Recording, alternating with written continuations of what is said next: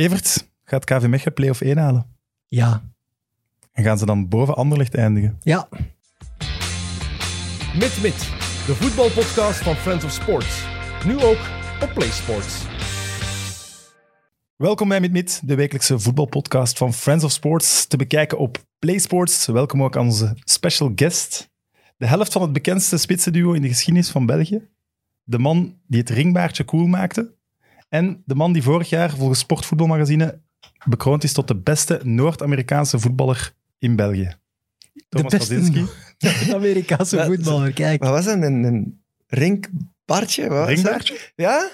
Was dat cool ineens? Eh, ik weet, bij, bij carnaval heb ik me iets als u eh, verkleed. En dan moest mijn mama dat ringbaardje Amai. dat zo optekenen. Ja, dat heeft veel moeite gekost hè, om zoiets eh, te doen. Hè. Je hebt het nog zo'n bekken, hè? Een klein beetje ziet nee, het maar het is dat ik geen ring niet meer. Hè. Ik, eh, god, ja, dat is, met drie kinderen heb ik geen tijd om daar aan te frummelen. Dus, Dus vroeger Ja, vroeger wel. Hè. wel, hè? Ja, dat moest... Allee, je, je moest een beetje anders... Hè. Mijn, mijn haar boven mijn kop was niet echt om Kon aan te kijken. Eh, dus ik, heb, eh, ik dacht, in mijn gezicht ga ik dat dag wel veranderen en, eh, en ga iets anders doen. Het was niet echt lang, hè. Ik denk dat ik een anderhalf jaar, twee jaar eh, volgehouden had. En dan, dan was het toen veel moeite. Dat was in de gouden periode, hè? Dat was een goede periode, ja. Voilà. Je moet opvallen, hè. Ja, voilà. ja, ja, jullie kennen elkaar eigenlijk. Ja, wij, een paar jaar geleden heb ik met mijn productiehuis hebben wij, eh, een aflevering van De Kleedkamer gemaakt, die documentaire reeks voor Canvas over het Anderlecht van Radzinski Koller. Dus toen hebben wij opnames gedaan in de kleedkamer van Anderlecht met Thomas. Dus je hebt vandaag eens- niet veel research moeten doen. Nee, dat, maar dat is ook zo'n jaar dat ik heel bewust beleefd heb. Dus sowieso moest ik er niet veel voor researchen. Maar ik ben super blij dat hij hier is, want dat is wel iemand vanuit mijn jeugd die toen echt, ja, je kende die van op tv, dat was zo een held van, ja, van, van het klein scherm. En nu zit hij hier, ik vind dat wel tof. Ik denk dat iedere 30 Ja. tot, tot 40 misschien jarige Ja. Radzinski-fan is. En dat klopt nog, hè, dat klein scherm. Hè. Als je de tv nog eh, moet bekijken, of die gewoon die, die beelden van vroeger moet bekijken, van, van, die, allee, van die doelpunten die ik heb dan gemaakt. Als je daar terugkijkt, dat is echt zo van gekrompen langs alle kanten.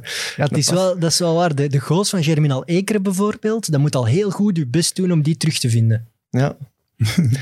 Mijn, mijn eerste vraag is misschien, hoe komt een Canadees als tiener in België? Wel, zoals iedere andere tiener van Canada met de vliegtuig. Hè? Ja, maar je Ehm, bent geboren in, in Polen. Ja. Eh, ja, geboren in Polen en, eh, en toen waren mijn ouders zo'n beetje uh, beu van het leven in Polen. Hè, dat was heel moeilijk. Hè? Dus die ijzeren gordijn van, van Russische am- afkomst nog. En eh, ze hebben gewoon voor een beter leven voor, die, eh, voor de kinderen eh, gaan zoeken. En zo zijn we dan via Duitsland in Canada beland. Als, Maar het is niet dat een van uw ouders al band had met Canada. Eh, ja, ze hebben dat op tv gezien. Hè? Ah, oké.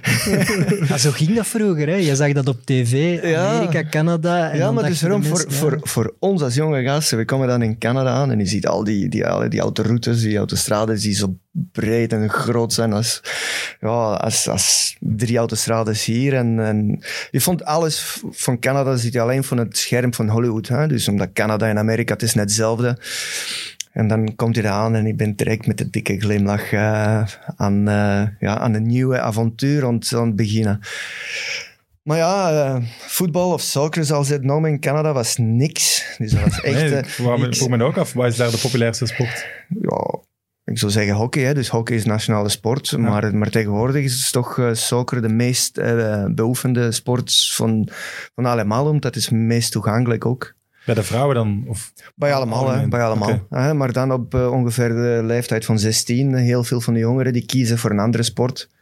Uh, basket, hockey, uh, pff, nog iets anders. Omdat dat was toen nog geen, geen echte competitie in, in Canada dat je kunt over spreken, dat is professioneel. En eh, die jonge gastjes gaan dan denken, wat moet ik nu doen? Ik ga dan eh, voor 5000 dollar per jaar spelen in de Canadese liga, dat is niks voor mij. Ja. Ik wil hier een grote hero zijn in Canada en, en, en voor groot geld spelen. En nu is het aan het veranderen. Hè. Nu zijn die stadions en die infrastructuur voor, voor soccer is fantastisch. En, ja, zoals, in Toronto, vorig jaar of twee jaar geleden, zelfs NBA-kampioen. niet NBA, hè. Nee? MLS, hè. Nee, nee. De eh, Raptors. Oh, de Raptors, bedoel je? ja, Oh, sorry, ja, maar ja. Toronto was ook kampioen in de, in de soccer Ja. Ah, dat, weet ik Ja, eigenlijk.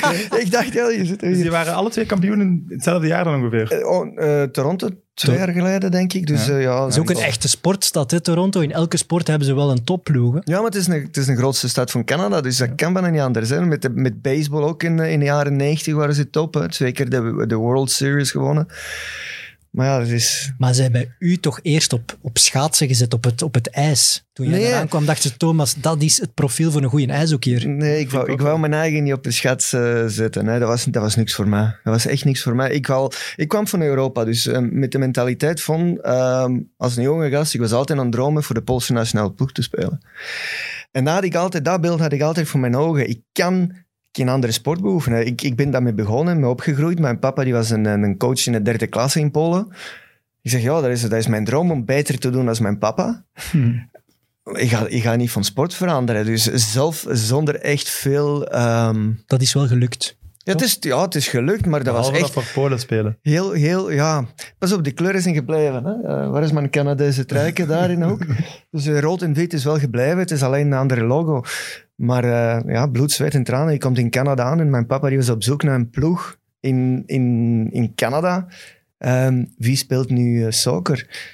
En we kwamen daaraan ergens in februari en, en voor 2,5 maanden in de krant geen resultaten, geen Niks, foto's, ja. niks. Omdat ja, die competitie zoals nu in MLS, die staat gewoon stil. Dus we dachten, ja, misschien zou je wel moeten een andere sport kiezen, maar eh, ja, persistence en, eh, en hij heeft tot, toch gevonden, mijn papa. En zo ben ik beginnen te spelen En hij kon professioneel. daar dan wel prof Direct, ja, direct, direct, eh, allee, direct op mijn zeventiende een profcontract getekend. Allee, dat betekende niet echt veel, maar voor mij heel veel, omdat met, met high school in Canada, je zit, ehm, je zit eh, naar school te gaan en dan moet je een tripje van twee weken doen om je matchjes te spelen. Dus voor mij was dat ideaal. Hè. Weg van school. Weg van school, eh, de hele Canada ineens zien, eh, heel dikwijls op het vlieger zitten. Dat, is ook, dat was ook heel iets nieuw voor mij. Dus stel je voor, we moesten van Toronto, één match in Montreal, dan halverwege naar die andere kant van Canada, Winnipeg. Dan ergens in, in Edmonton of Calgary stoppen, Vancouver en dan terug. Eh, Dat, is- dat zijn veel kilometers. hè, dat zijn heel veel kilometers, Amai. maar daardoor was ook eh, die competitie ehm, zwak. Omdat er waren geen profs in Canada. Hè, dus ehm, ik denk dat dan een grootste salaris was ongeveer 10.000 dollar per jaar. Dus eh, elke speler ehm, heeft eh, buiten de voetbal nog ehm, ja, Hmm. werk. Hè, dus elke dag moesten ze werken. En als ze voor twee weken moesten weg van werk, dat gaat niet. Hè? Dus we, we reizen meestal met 12, 13 man eh, rond Canada om de wedstrijd te spelen. En dus geen wisselspelers, geen... En dat zijn eh, bijna allemaal dan ook jonge gasten. Ja, redelijk. Ja, Ja. redelijk jonge gasten. Maar ik zeg, voor mij was het ideaal omdat ik moest alles spelen. Ja, als je 17 bent, is dat eigenlijk voor u een voordeel geweest, omdat je heel veel matchritme kon opdoen in een eh, toch wel Ja. degelijke profcompetitie. Ja, ik heb redelijk ook spieren gekweekt in, eh, in die eerste jaar van prof te zijn. Hè? Omdat, zoals u zegt, hè, die, die, al die gasten in Canada die zijn toch redelijk eh, gespierd, bodybuilders. Ja, allemaal mislukte ijshockeyspelers. Ja, waarschijnlijk. ja. Ja, pas op, als die vrienden van mij van vroeger dat kijken en eh, Nederlands begrijpen, dan gaan ze hier Ja, ik naar net zeggen, die kunnen geen Nederlands.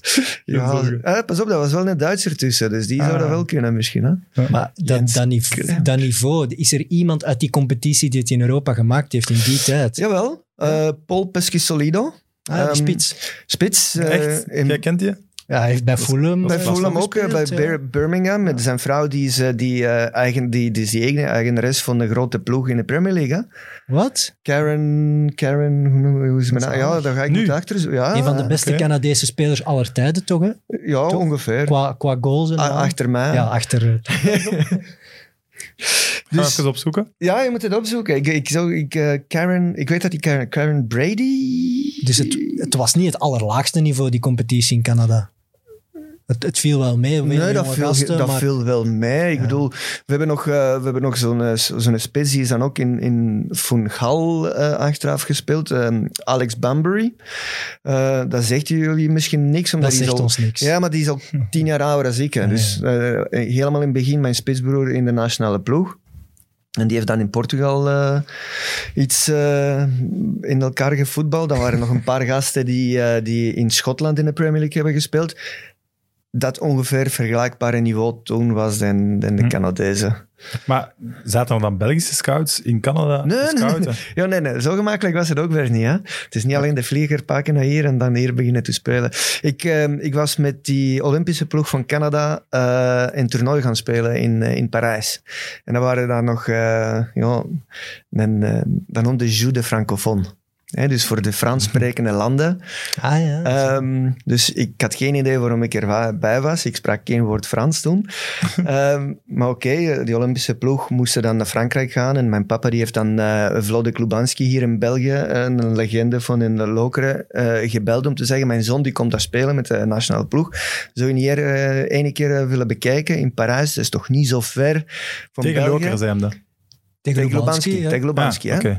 Dus tegen Lubanski. En Lubanski is dan wel ehm, afgekomen naar Parijs. En dus twee internationale matches van mij bekijken. En hij zegt, ja, dat zie ik wel... eh, Fantastisch. Dat kan nee, niet worden. van, nee, fantastisch. was Nee, niet. maar toch een straf Allee, ja, strafverhaal, dat wel. Hè.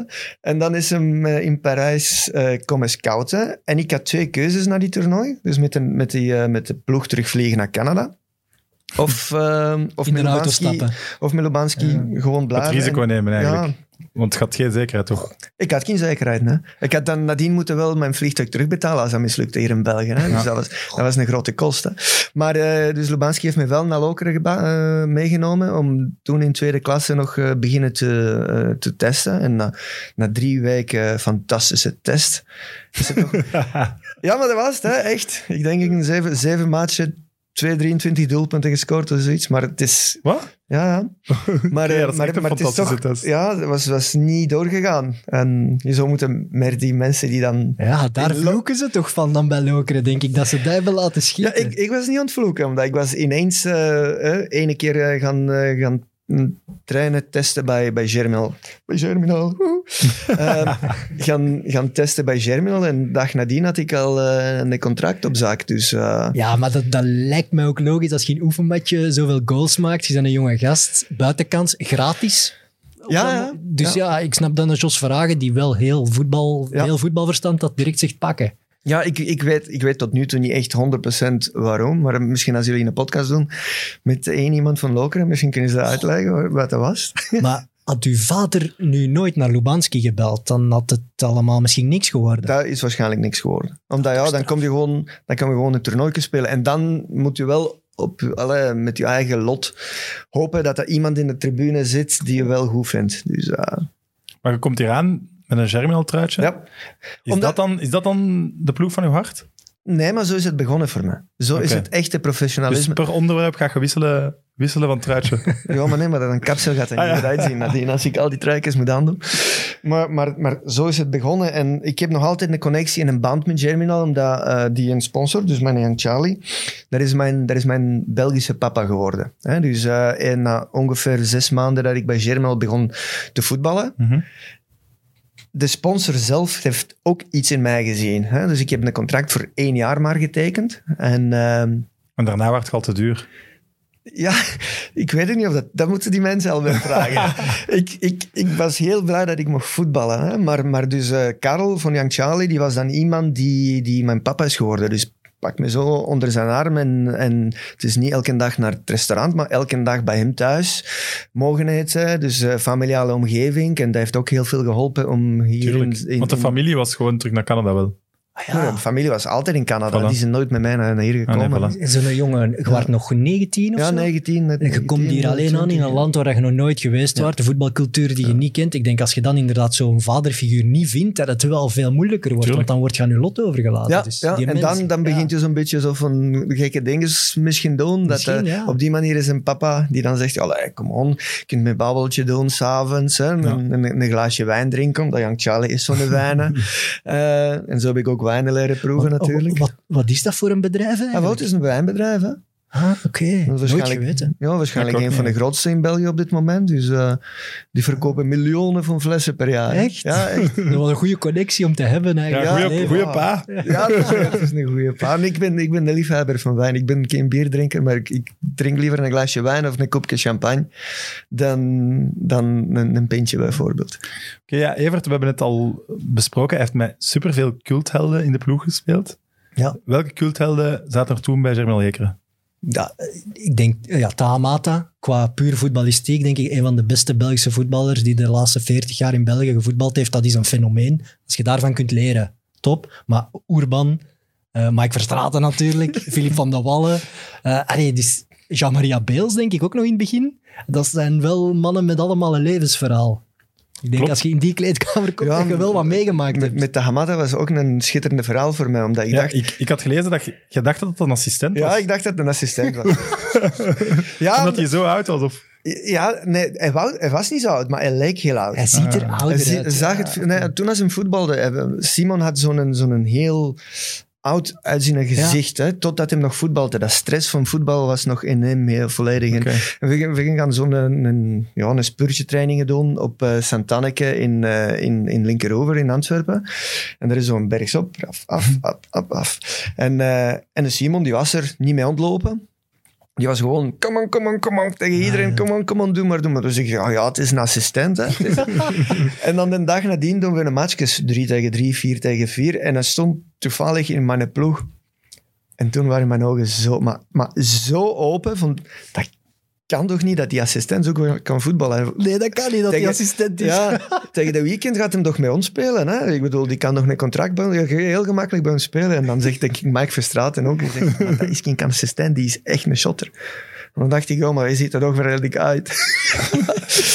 ja, en dat moment, Simon heeft gestopt met voetbal. Ik denk twee, drie maanden nadien. Hij is ineens vijf jaar jonger geworden. Dus eh, het, is, het is echt dat stress van voetbal eh, dat dat veel uitmaakt. Ja, ja, ja. Nog geluk gehad, hè, want Tamata was wel echt fenomenaal. Hij Ja, heeft in zijn was, carrière eh, echt Ah, wel, maar je zegt, je had van niemand kunnen leren. Ja. Ik zou denken in mijn jeugdjaren, Simon was die gast die heeft het meeste van geleerd.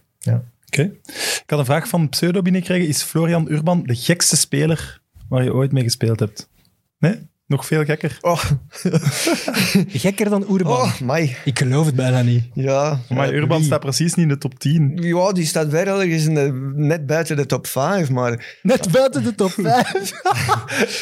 het is... eh, maar als je een Paul, met Paul Gascoigne heeft Ah, ja. samengespeeld en Jimmy Bullard, eh, je moet dat Jimmy Bullard opzoeken. Dat is gewoon, die heeft zelfs zijn, zijn eigen programma op dit moment eh, op de Britse tv over wat is het gekste wat ik kan doen met iedereen en allemaal. Dus eh, ja, dat zijn heel veel verhalen, maar sommige, sommige verhalen, ik zou dat wel liever eh, eh, thuis laten, omdat het is niet... Maar we nemen dit niet op, hè.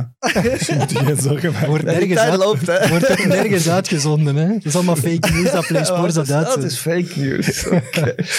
Nee, maar Jimmy Bullard, Paul Gascoigne, oké. Maar zet je bijvoorbeeld een Van de Wallen, een Verstraeten boven Urban qua, qua gekheid? Eh, ja, de Mike was, eh, de Mike was ook eh, gekker. Dan, omdat bij, bij Urban was eh één keer om. Bij Mike was wekelijks. Maar Oerman bijvoorbeeld, ik, ik heb een verhaal, ik ben KV Mechelen van. Bij KV Mechelen bijvoorbeeld moest de spelersbus s morgens langs het café rijden richting de wedstrijd, omdat hij daar nog zat. En hij pakte nog een whisky en stapte dan in de bus naar Dat- een wedstrijd in eerste klasse. Wow, dat geloof ik niet. Nee, dat is overdreven, Dat- denk dat- je? dat- je gaat toch niet een speler in een café gaan ophalen? Dat, Nee, dat geloof ik niks. Als hij, als hij cruciaal... Hij was wel heel goed. Ja, nee. Ik denk, ik denk, het maakt niet uit hoe dat je dat draait en keert. Op een bepaald moment, je moet toch eh, een Dat is niet beetje... te nuchter- houden. Nee, dat denk ik niet. Hij heeft Ja. ooit tegen Jos Vragen wel gezegd dat zijn auto en zijn, zijn huisboom gaan tijdens de training. Hè, dus eh, hij moest eh, van Jos Vragen harder lopen. en eh, omdat we hebben een wedstrijd tegen Lommel of tegen iemand verloren thuis. En dan moesten we dan uitlopen de zondagmorgen. En ik was nooit een goede loper. Hè. Ik ben een spurter, maar ik ben niet een goede loper. Dus ik was altijd helemaal van achter met, met de florken aan het lopen. En dan Jos Vragen, die kwam ook aan de training en die zegt... Urbanneke, lopen jongen. Luizak. Gisteren niks gelopen, vandaag lopen. Hè? en, eh, en, en de Florke die draait zijn eigen om en zegt... eh, Jos, ja... Shut up, hè. Oh, ik één telefoontje. je Huis, boom. je, je wagen, boom. Ja. Maar dat is... Weet je, dat is... Dat, Dat, is dat gek. lijkt me toch, eh, toch Ja, maar dat is gek. Maar is dat nu... Ja, Ja, meer dat is voor te lachen. Het is, het is gek, het is grof. Maar het is meer voor te lachen, mag ik hopen. Ja, maar het is nu iets wat te lachen, maar op dat moment is het dat echt zo van wow. Eh, eh, eh, Als hem dat zegt, dat is precies, en meent het ook. Hè? Was de, was de bekerwinst tegen Anderlecht het hoogtepunt? Bij Germinal? Van Germinal. Voor, voor, voor mij bij Germinal wel. Hè. En het dieptepunt was die verloren finale op, Ja. op Brugge. Waar, eh, Was die het jaar nadien? Nee, dat was twee jaar jaar daarvoor. ervoor. Twee Ja. jaar daarvoor, wat, jaar. wat Borkelmans moest rood krijgen na vijf minuten. Hier Dat direct. zit, dat zit nog Ja, heel diep. Dat, bij mij zit dat heel diep, omdat Ja. hadden we niet tegen Brugge gespeeld, maar tegen iemand anders. Dat was altijd rood. Ik was alleen tegen, naar, de goal ont- ontlopen. Hij komt van achter, hij pakt me langs achter. Ik, hij is de laatste man. Ik heb alleen de keeper voor me. Hij kreeg geel.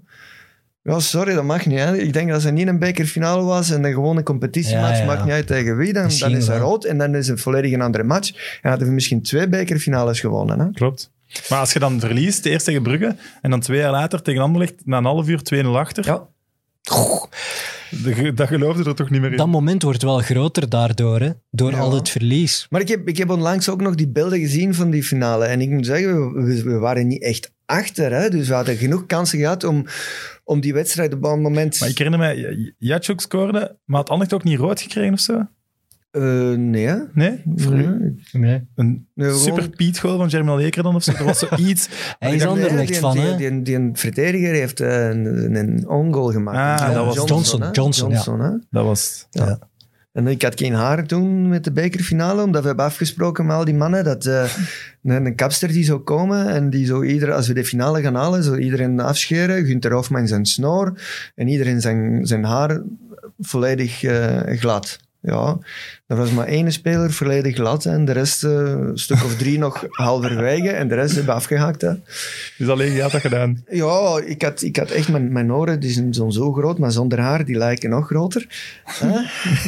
De vliegende Canadees. hè? Christophe, ik denk, ik denk Floor, die heeft ook een beetje met, iets met zijn haar gedaan, Ur- Urban. En, en Mike Verstraeten natuurlijk, omdat... het is- Die had altijd toch? Hè? Kort. Gewoon niet op dat moment. Oké. Maar Als je na een uur 2-0 achter staat in zo'n finale, Ja, ja, dan, dan is het wel ongelooflijk dat je die toch nog wint. Zeker Ja. tegen Anderlecht. Dus maar ik denk... het Ik blijft denk wel dat- een Want topprestatie. het waren verlengingen en jij scoort in de verlengingen. Hè? Ja. De laatste goal ook? Nee, die, De- een 3-2. Eigenlijk de, de belangrijkste. belangrijkste. Hè, ja. Ja, de, de Hofmans, eh Gunther scoorde 4-2 dan. Hè. Maar, eh, maar ik denk ook de nieuwe stadion, ehm, hè, nog niet volledig afgewerkt, Heijzel. Dat was de Heijzel, ja. Hè, dus die eerste match, eerste grote match die op Heijzel wordt dan gespeeld en we moeten de bekerfinale spelen. En eh, dat geeft toch iets. Hè? Dus, eh, dat, was, dat Tuurlijk. was op dat moment ehm 60.000, grootste stadion. Ik heb ooit mijn leven gespeeld. En zelfs als je denkt dat je 2-0 achter staat, je gaat dat nooit opgeven, omdat je zit in zo'n zo'n venue, zo'n zo'n mooie omkadering, dat je denkt, ja, we gaan, we gaan dat voor jongens. Maar jullie hadden wel geen slechte ploeg, hè? Nee, nee, jong. Als je die namen ziet. Dat, Ja. dat was de kunst ook een beetje van Germinal Leker, en Jos Verhagen, maar ook vader Snelders, denk ik. Die hadden ergens een, een kwaliteit om, om een goede ploeg samen te stellen. En ook heel veel oudere spelers met toch wat maturiteit eraan toe te voegen, die, die eigenlijk een heel hoog niveau hadden. En, en gelijk een Van de Wallen toch. En op middenveld hadden jullie ook een paar dikke shotters. Een Gunther Hofmans.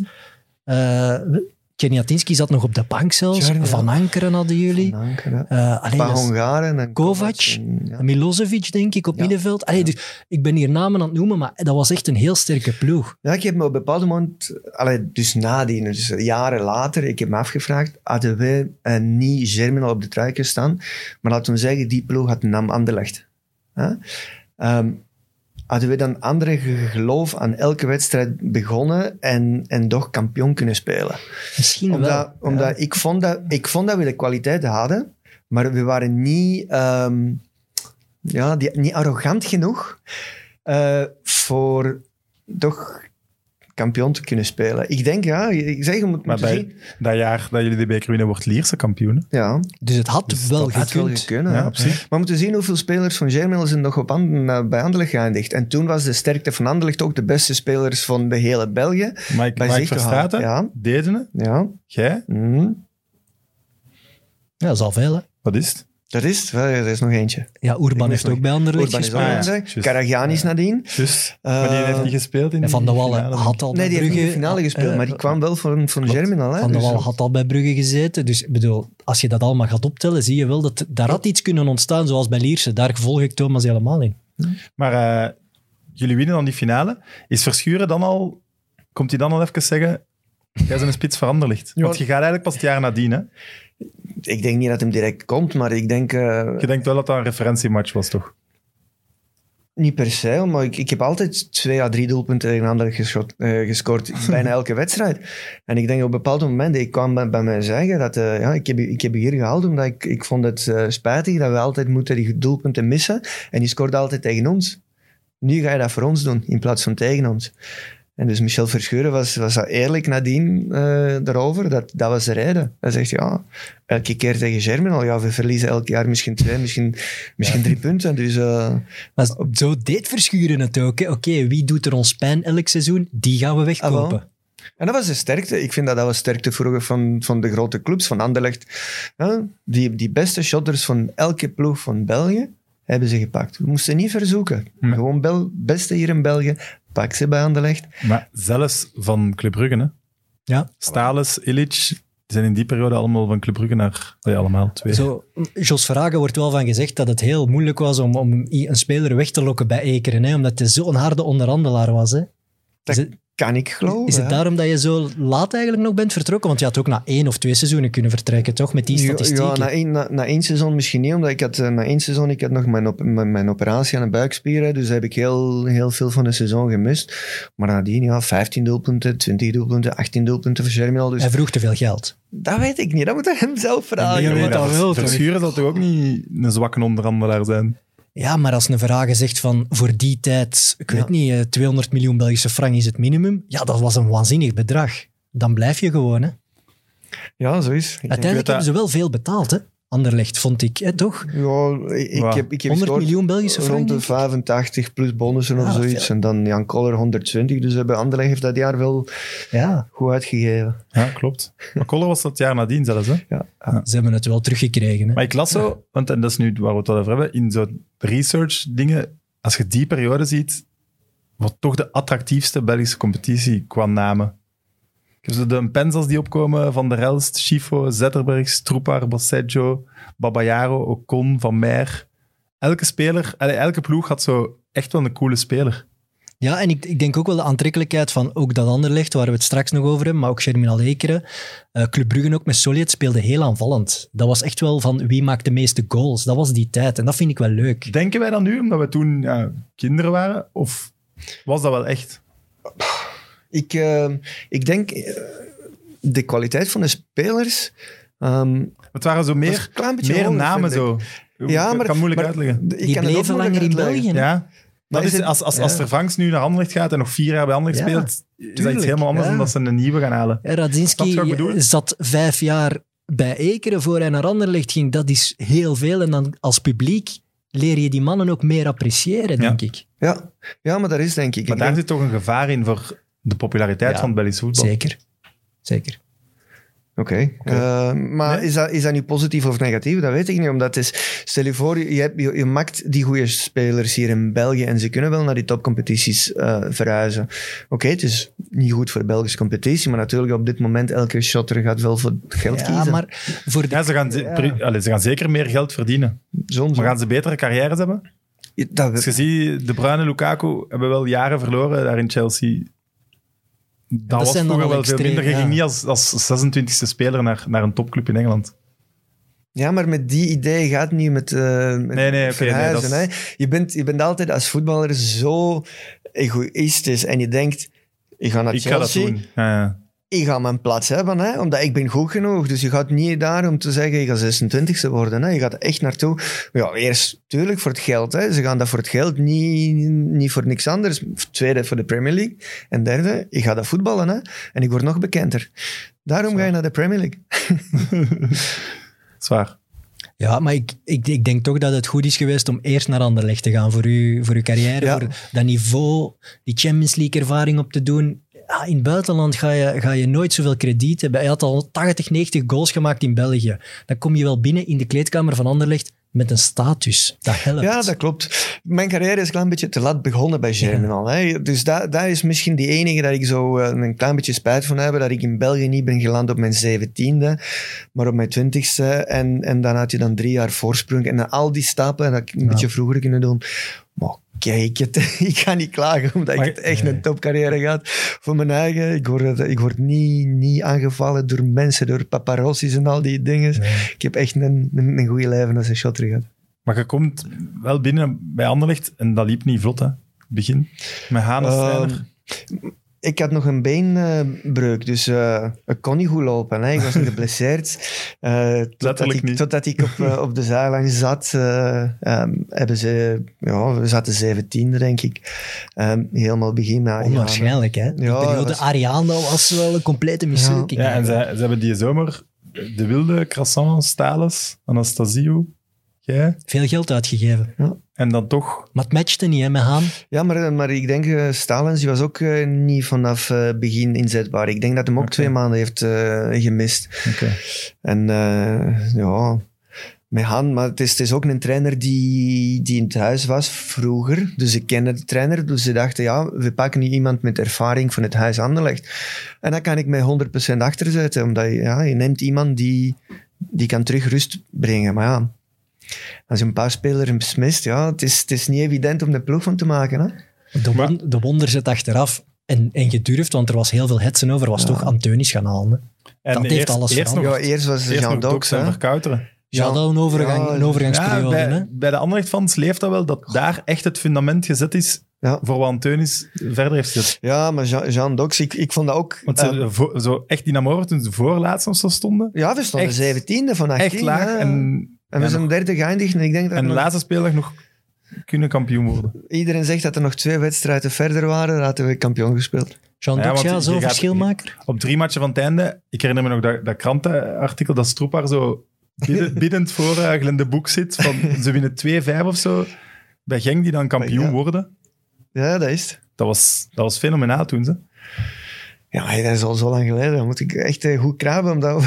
Ja, ik herinner me dat nog eh, levendig. Nee, ik weet nog dat mijn pa vind- ook met mijn slaapkamer binnenkwam en zei, ze gaan kampioen worden, want de twee anderen zijn opgepakt voor omkoping. Ik schiet mijn bed uit. Ja, grapje, maar je moet opstaan. Ik vind het wel mooi dat zo'n figuur als Jean Dox, die misschien vaker vergeten wordt tegenwoordig dan, die echt een figuur van het huis was op Anderlecht, dat je wel zegt dat hij wel heel belangrijk was. Die, was, die was heel belangrijk. Maar die was heel belangrijk naar die, naar die groep toen. Dat je hebt toch... Bij Anderlecht had je wel redelijk veel vedetten. Hè? Hoe dat je dat draait en keert. Het is, iedereen gaat naar Anderlecht met het gevoel... We zijn spelen voor de het beste best, van, de- van we het land. beste van het land. Arrogant. Hè? Ja, die arrogantie, die Gezonde gezonde arrogantie. arrogantie, hè, die, die je moet tonen om, om wel kampioen te kunnen spelen, elk jaar, jaar na jaar. Wat je hè. daarnet zei, om dat geloof ook Ja. match in, match uit te Ja. hebben. Ja, soms, soms ga je dan de Oké, mist in. ik vergeef u uw arrogantie, Sam. Maar, maar, maar Jean Dox heeft dus die arrogante individua's op dat moment wel op een rijtje gezet, maar op de mooie manier, op een familiale manier. Om, weet je wat? Doe wat je wilt. Jullie doen de training, we gaan heel veel doen van de matchjes dat jullie willen spelen, die afwerking dat jullie willen doen. Niet te veel van ehm, de tactiek eh, dat jullie toch niet graag zien en niet te veel van de videobeelden dat jullie niet graag voor de tv zitten, omdat dat is maar volgende week tegen de Westerloos en tegen de Lommels en zo. Dus voilà, was dat dan omdat je wel zoveel beter waard? Dat dat kon? zo kunnen al. Hè. Michel Verschuur heeft al die beste voetballers van heel België gepakt en bij elkaar gestoken. Dus op papier waren we de betere, ja. Maar simpele dingen doen. Hè. Spelers willen voetballen, willen matchjes doen op Ja. training. Nee, nee, klopt. Ja, ik, En- ik snap wel dat dat Ik, ik ben op, benieuwd. een opluchting is. Zou je dan. dat kunnen opzoeken? Hoeveel hebben we toen doelpunten ge- gemaakt eh, die jaar? Ik schat gemiddeld drie per wedstrijd. Dat En- is eh 99, 2000. Super aanvallend voetbal. Ja, super aanvallend voetbal. Ik denk, 98, 99. Ja, zoiets. Ja, 98, 9. Ik denk we hebben echt gemiddeld drie doelpunten gemaakt. Maar wie, want wie was toen uw spitsbroer? Anastasio heeft sowieso zijn kans gekregen, dat weet ik nog. Martinez. Ole Ja, kan. misschien, ja. Ik weet het niet. Ik weet het echt niet. Omdat ik- over de jaren Jatjoek- heen, Jatjoek iedereen nog zegt over? Kohler. Ja, ja. ja. Je begrijpt waarom En dan, doe het je dat, en dan vergeet je al die... eh, maar- De, de pre-color-periode bestaat gewoon niet. Ja, dat jaar. Ole- was er nog altijd. Hè, maar Ja, ja, Oleg, Ja, Oleg- zoek- ja, ja, die en Oleg. Oleg, Oleg dit jaar is ook eh, bij een wonder niet meer geblesseerd geraakt sinds Jean. Dox is gekomen. En dat was, dat was ook voor mij een van de beste spitsen die ik heb ooit mee samengevoetbald. Hè. Zolang als hem niet geblesseerd was, was hem top. Ja, daarom heeft hem ook zo, is hem zo lang mogen blijven. Hè. Ja, Ze kregen het niet over hun hart om die weg te doen, want Nee, hij als zit hij er fit nog- was, was hij zo goed. ja we zitten nog altijd op, eh, op de... Allee, hoe noemt dat daar? De Neerpeden. training neerpijden. Ja. Neerpijden. Ja, was echt wel een goede klopt. shot. Ja. Ja. 76. 76 en Dat is de moeite. 34 matchen. oké. Maar ja, slecht sinds begonnen. Hè. Ja, ja, dus, slecht eh, begonnen. niet, die eerste, niet die eerste zes matchen of zeven matchen, maar echt... Ik heb hier sinds- eh 0-6 op standaard, Ja, 2-5 op Genk en 4-0 tegen Gent. Dat was allemaal zo in de laatste paar matchen. ja. 0-6 op standaard, ja. Dus, eh, En heb dan met, ik- verkouteren als T2. ja. En nu is dat zo verdedigend voetbal. Kijk eens aan. Ja, maar dat was Jean... Maar ja, het is- nee, die speelt naar zijn je kwaliteit speelt misschien. het voetbal van de T1, niet van de T2. En Jean Dox was aanvallend. Toen heb ik drie doelpunten gemaakt op standaard. Twee tegen Genk. Oh, ik, ik had een topweek gehad. Dus ik denk dat ze acht, acht golen op acht dagen tijd. Ja, dan weet je wel het jaar daarna, als ze dan ook nog eens Koller halen, Anteunis komt, wat Ja. toen echt wel de beste Ja, coach van ja. België was, en met Genk alles gewonnen, dan weet je wel dat het van moeten is. Hè. Dan is er geen, geen keuze meer. Kwam toen ook al Hazian van der Hagen? Of dat was het jaar daarna? Nee, nee, Hazi... goh, ja, zie, maar je vraagt me echt zo'n... Dat, dat zijn allemaal Details. voetballers... Ik kan het maar vragen. Hè. Ik weet dat de Hazi zo'n zo die Champions League campagne heeft Ja, meegemaakt. toen, maar die eh, is jaar nadien. Ja, omdat die, die, die Lazio doelpunt komt van Hazi zijn assist, dat weet ik. eh, Ja, maar- 120 miljoen voor Koller, eh, de beste trainer van het land halen. Je was in een mega goede flow onder Jean Dox. Ja, dan, is het van de moeten. Hè. Bij Anderlecht komt er dan wel alle druk op. Hè. Je kan niet nog eens een seizoen niet kampioen worden. Nee, nee.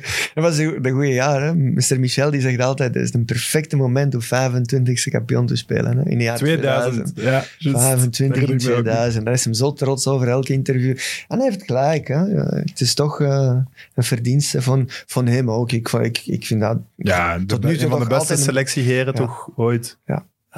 Slim. Mag ik dat zeggen in mijn arrogantie? Nee, nee, maar dat is de, wat hij gepresteerd heeft doorheen de jaren, dat kan je niet ontkennen. En hij heeft inderdaad ook die ploeg samengesteld, wat in mijn ogen, in mijn leven dan, de beste Anderlecht-ploeg was die ik heb zien voetballen. Ja, en dat is ook. zijn verdienste. Maar ze zeggen ook wel altijd dat Constant ook wel echt heel veel voetbalkennis had. Ja. Dat hij wel echt mee... Ja. Want als ze er niet uitgeraakten over Hazi en Van der Hagen, en dat Constant dan gezegd hebben, kom, Ja. probeer ze dan alle twee te kopen. Nee, maar dat was iemand die de voetbal leefde, maar hij heeft hem niet veel, niet veel gezien. Hè? Om, eh, dus niet tussen de spelers. Het is een beetje anders dan Mr. Michel. Die was, de, hè, die was er constant in de kleedkamer. Zelfs, ja, zelfs, zelfs... Ik ben hier, mannen, dus vergeet het niet. Ik ben die enige die hebben jullie getekend en ik kan jullie verkopen hè, als het niet goed gaat. Dus hij was er. En de voorzitter komt alleen maar als het echt, echt, moet. ja. Maar, dus die zomer komt Koller aan. Was er meteen een klik? Gigantisch risico Ja, trouwens. hè. ja, wel. Ik, ik, Koller ik vond dat ook een rare transfer op, Ja? op- in eerste instantie, omdat ik heb Jan zien voetballen in Lokeren. En Ja, dat zeker. eerste eerlijk jaar, zijn, eerlijk ja, zijn. e- eerlijk zijn. Dat eerste jaar, ik dacht, maar, maar manneke toch, eh, is het, eh, je zou liever in Canada of een andere eh, sport hebben gekozen dan voetbal. En dan moeten Maar zien... dan is dat toch puur op zicht? Want die kon Ja. toch wel echt voetballen? Ja, nadien kon hem echt goed voetballen. Ja, maar die heeft er ook hard aan gewerkt. Hè. Ja, Ik hoor verhalen op training dat jullie er echt wel heel hard mee bezig waren met hem. Hè. ja, Dus die heeft wel nog fenomenale stappen gezet. Maar wie, 120 miljoen, moet toch iemand het in gezien hebben. Dus dat is wel straf dat je dat erin ziet. Ja, die eerste training was, eh, eh, was die vliegtuigen afschieten. Hè? maar echt, hè? We, hebben, we hebben dus een voorzitter gekregen van opzij. Ik weet niet of dat nu van Frankie was. Zo kunnen dat dat van Frankie Verkouter was. Eh, een voorzitter en dan moeten naar de goaltrap. En dan dus die eerste... Ja, van de tien, die eerste zes, die waren echt eh, de kleine vliegtuigjes afschieten. Die gingen rond. Hè? Maar dan, allee, jij zei dan die vedette van Anderlecht, dan lacht je toch? Want daar komt hij bij, het ziet er niet uit. Ook Nee, al dat- kan hem goed maar het ziet er niet uit. Nee, hè. nee, dat jaar waren nog geen vedetten. Hè? We waren gewoon een ploeg. Ja, dat is toch Schifo en Zetterberg en zo? Ja, oké, maar dan lachte ik wel een beetje mee. En, en, en, maar ja, zie je, het is, voetbal dat kan zo snel draaien. Hè? Maar je hebt ME dan toch gepest van ME, wat heb je nu binnengehaald? Ja, maar mij gaat altijd zeggen, ik heb die niet gehaald, hè. dat is de Michel. Hè. het is, mij zal altijd zeggen, dat is, dat is mijn speler als die goed presteert. Hè. Dus misschien de eerste drie maanden was niet van hem, maar na drie maanden, ja, tuurlijk, ik heb die gehaald van Lokeren. Hè. Ja. Dus, eh, En heb je, heb je snel het besef gehad dat, het, dat, er, dat er een soort van klik was tussen jullie twee? Want dan moet je toch wel rapper voelen van Ehm. oké, met die man kan ik echt wel een duo vormen. Laat ons zo zeggen, Jan die had eh, geen taal... ehm, hij was geen natuurtalent om talen te begrijpen. Dus zelfs na twee jaar in België heeft hem nog eh, heel weinig of niks Nederlands gesproken. Eh, behalve Tsjechisch had hem ook eh, aan geen andere taal aan begonnen. Dus ik was die enige die aan, die aan, Pools sprak. En Tsjechisch en Pools, is een beetje zoals Duits en ja, en, Nederlands. en, en Nederlands. Ah ja, dus je kon een Eh, klein dus- beetje elkaar verstaan. Ja, ik kon Hedwig veel beter verstaan dan hem. Dus, eh, Waarom verbaast me dat niet? ja, omdat haar Je accent... op de goede hoogte. Haar accent, haar accent was zachter. en, en ja, maar op die manier begint hij ook een beetje zo dingen uit te leggen aan hem. Hè? Omdat als de trainer dat niet kan en, en ja, het is moeilijk op papier, dan, dan probeert hij toch in Pools eh, iets te vertalen. En, en op die manier begonnen we ook samen op, eh, op stap te gaan. Dus een concertjes volgen in Brugge, naar de cinema en zo van dingen. En dan, dan, en dan begint het een klein beetje be- beter Ook te naast het veld echt Naast wel vrienden veld, ja. geworden. Ja, Ah, ja. omdat Maar met heel de ploeg toch? Ik hoor dat, dat met Anteunis dat er, wel, dat er wel tijd in gestoken wordt om naast het veld dingen te doen. Ja, je moest dan zo als ploeg een paar keer per jaar gaan eten samen. Hè. Dat gebeurt nu niet. Hè. Eh, maar toen we gingen dus eh, eh, een Grieks restaurant doen, dat Janis uh, Anastasio, die, heeft, die kent dan een Griek. En een, eh, ander restaurant, dat Schifo, die kent iemand die dan wel eh, een restaurant heeft. En dan gaan we eh, met, met Young Charlie, die pakt ons allemaal naar Mechelen, omdat die was daar wijn aan het leveren. En dus, ja, dat, dat groepje, dat klikte wel heel goed. Maar, maar voor mij was, na een tijd, was heel belangrijk dat Jan zich goed voelt en, en die zijn lengte eh, gaat benutten. En dan eh, hij pakt dan twee verdedigers mee. En ik heb meer plaats om te lopen. En andersom net hetzelfde. Hè? Dus ik pak dan twee spelers om mij te dekken. En Jan heeft meer, meer plaats voor zijn doelpuntjes en zijn voetjes beter te benutten. Dus ja, ik heb het wel beseft dat dat, dat, dat goed... Als het buiten het veld gaat goed klikken, dan op het veld gaat het ook eh, goed eh, lukken. En dan, dan moet je gewoon uh, ja, onderhouden. Ja, maar dat hoor ik vaker hè, over Jan Koller, dat er wel ook iemand, een emotioneel, maar wat introvert man, en dat je die inderdaad, dan een goede vriendschap wel kon helpen bij hem om het ijs te breken en om hem een goed gevoel te geven. Ja. Dan moet je wel tijd insteken. En tegenwoordig is er ook minder en minder tijd voor. Hè, voor bij transfers het moet er direct boenk op zijn, zeker met buitenlanders, worden soms aan hun lot overgelaten. En dat werd, hè, wat dat jij nu zegt, naast het veld, naar concerten gaan, uh, iets gaan eten samen, dat, ja, nu is het dat, moeilijk, dat werkt. Ja, nu, nu is het moeilijk. Hè? Ja, nu is het wel heel moeilijk. Maar, Maar- maar ik dat denk- werkt wel. Maar, maar weet je wat dat is ook? Ik denk nu op dit moment, die, die ploegen, die scouten ook anders. Hè? En als je een topploegje pakt, die verwachten van u dat je wel daar staat. Hè? Je gaat die game babysitting niet meer doen. Hè? Ze, Maar, ze eh, pakken echt een topper. Hè? Er zijn toch ook sowieso veel minder spitse duo's Ja, in ook vergelijking al. met vroeger. Ook al. Bij Inter nu. En dat werkt eigenlijk nog wel. Ja. Ik vind dat een van de mooiste voetbaldingen. Ik ook. Een spitse duo dat In perfect voetbalmanager werkt. is het ook een hele moeilijke om toe te passen. Ja, maar dat is zoiets in de hoofden van de voetballerij gekropen van twee spitsen, dat kan niet meer. hè. 4-3-3, we spelen allemaal met ene spits. Ja, of Ik drie. vind dat, ik vind dat jammer. bekijkt, ja, twee vleugelaanvallers, maar een 4-4-2 met twee spitsen die elkaar perfect begrijpen, dat is toch het mooiste wat er is. Je hebt een verkeerde job, hè? je zou moeten een trainer worden. Oh, ik, ik zou Ik altijd 4-4-2 Ik- spelen. Jawel, ik, ook. Ik, zou, ik zou je direct je assistent zijn en een spitsentrainer geen eens. Hè? Omdat het is, het is, als je twee spitsen van voren heeft, hè, één van die twee gaat altijd scoren. Zo simpel is. Hè, jullie hadden, ja, maar dat is... Hè, Nee, jullie, ik snap wat je bedoelt. J- jullie hadden onlangs hier eh, Wesley uh, Sonk. Hè? Die heeft En, niet eh, veel gescoord, hè? Hij heeft niet veel gescoord, maar hij heeft, eh, die heeft niet veel gescoord als we samen hebben gespeeld in dezelfde ploeg. En dat vonden we jammer. En we zijn, we zijn samen naar een trainer gestapt om te vragen waarom moet eh Sonky aan de rechtse kant, ik aan de linkse kant. Hebben we dan een, een één spits van voor, eh, die dan heel gemakkelijk wordt eh, gedekt door twee centrale verdedigers. We hebben dan toen gevraagd, als je ons twee in een spits zet, ik en hem samen, hè, je bent gegarandeerd een doelpunt per match. En als je een doelpunt per match scoort, dan ga je waarschijnlijk een tweede maken. Maar waar was dat dan? Was het- Germinal? Lierse. Ja, Lierse. denk ik. Ah, Leerse. Wie was toen de trainer? Want als, Ik- ik ga als je Radzinski en Sonk hebt, dan, dan speelt het toch Ik standaard weet het niet meer eh, wie Ik dat er toen bij Lierse. Ik zat. Helleputte. Nee, hè? Helleputte was altijd met twee aan het spelen. Ah, Helle Putte was grote fan, was- hè, dus die zou een je grote, nooit die, die misbruiken op de flank. gespeeld. Hè? Die Ja, heeft ook kampioen gespeeld, die trainer van Lierse toen. Hè? Dat gaan we toch moeten opzoeken. Oeh. Dat Ja, spijt dan ik dat ik dat nu niet meer weet. Dan moet Bij Brugge, bij Gent. Kom on mannen, jullie zijn voetbalmensen. Ah, Ah, ja, maar die, die had zijn vast systeem. Dat is een trainer die daar niet van afweekt. Tuurlijk, maar dat is hem juist. Maar zo als speler, als, als je hebt twee spitsen die dan wel redelijk goed niveau hebben gehaald in hun Re- leven. redelijk goed niveau. Ja, en je, en je steekt die wel van voor met twee. Dan bent je bijna elke wedstrijd gegarandeerd dat je wel een doelpunt Ja. gaat maken. Dus ik vond een beetje... Maar ja, dan loop ik een klein beetje als een gebeten hond aan de linkerkant. De, de Sonky aan de rechterkant. Ja, hij heeft Net hier, hetzelfde. hier verteld als hij op rechts moest spelen. Ja. Hoe slecht gezien was. Ja, maar, maar dat is het. Hè. Dus je- als je spelers niet kunt blij houden, ja, je pakt iemand anders aan. Allee, in feite. Is het, is het waar dat Jan Koller zo fenomenaal goed bier kon drinken? Ik weet het niet, omdat ik was champagne aan het drinken tegelijkertijd. Nee, maar er wordt wel gezegd dat hij kon.